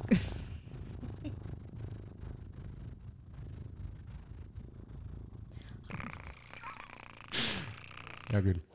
okay,, aitab küll, sain nurruminutid ka läbi. ja kõigile ASMR-i fännidele viiskümmend eurot ja teeme pikemalt.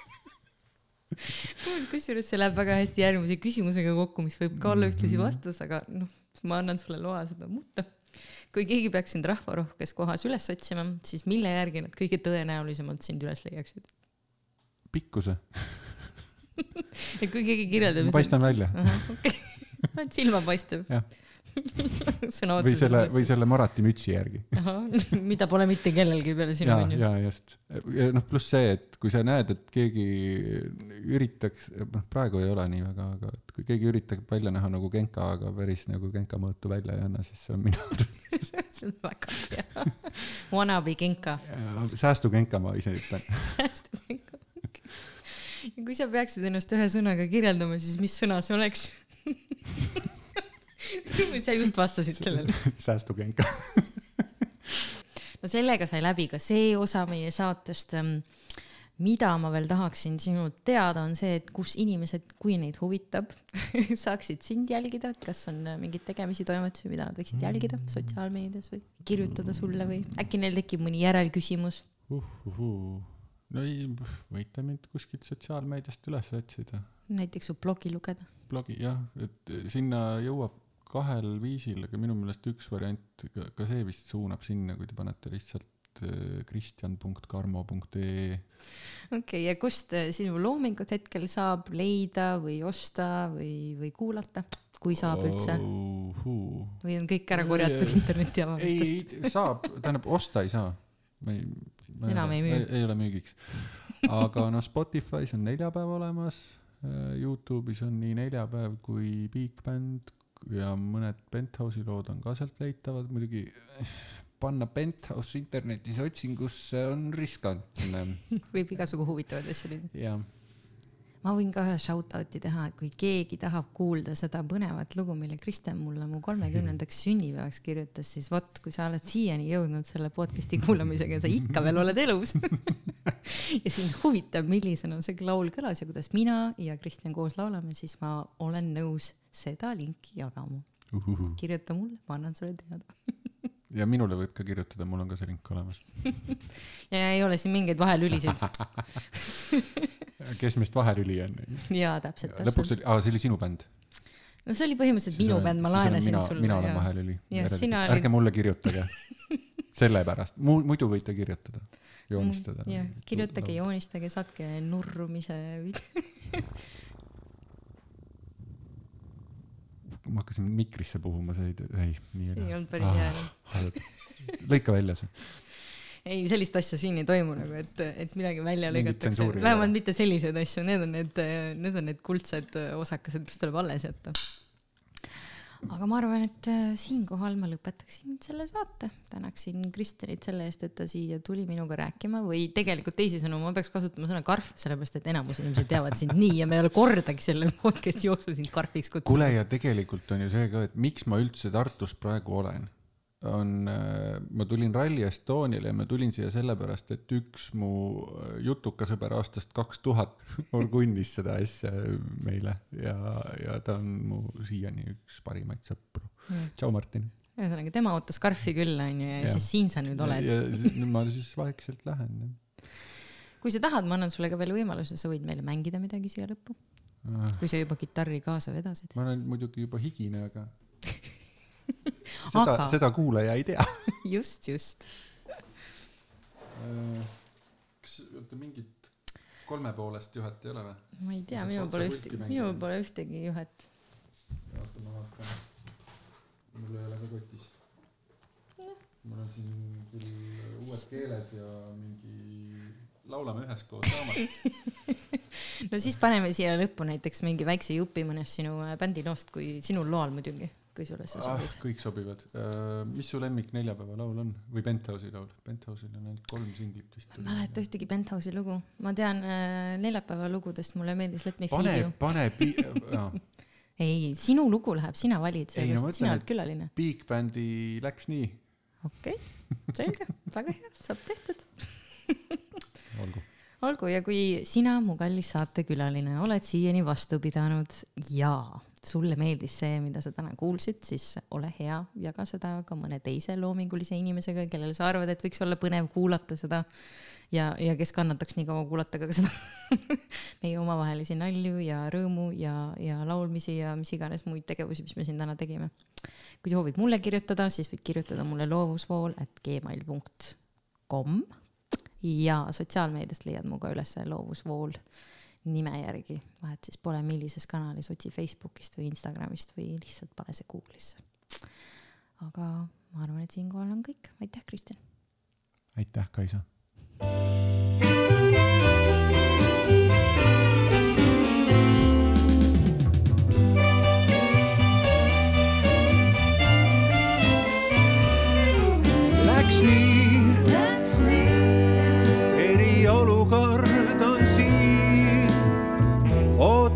kevadet, kuid saabus karantiin, aga meelt ei heida selle pärast ma.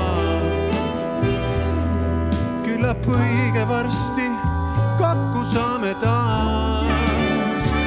no nüüd läks nii ja kui veider see ka poleks, isolatsioonita meil veelgi halvem oleks eksponentsiaalset kasvu peatada.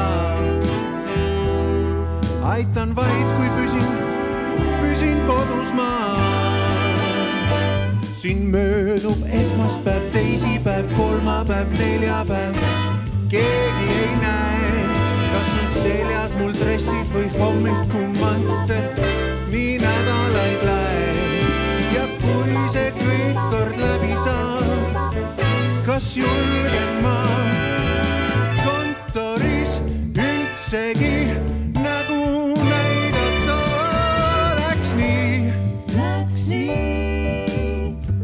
ja ime pole,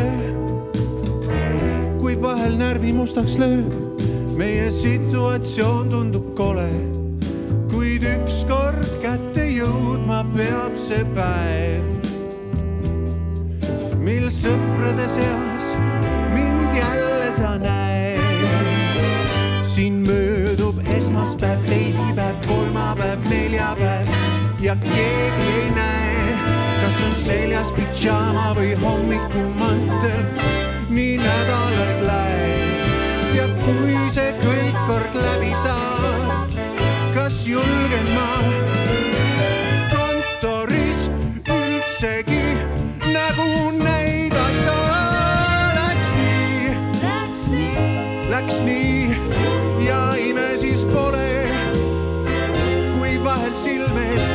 lööb, kõik tundub kole. üle kõige sellel aastal soovin ma, et saaks kõiki sõpru.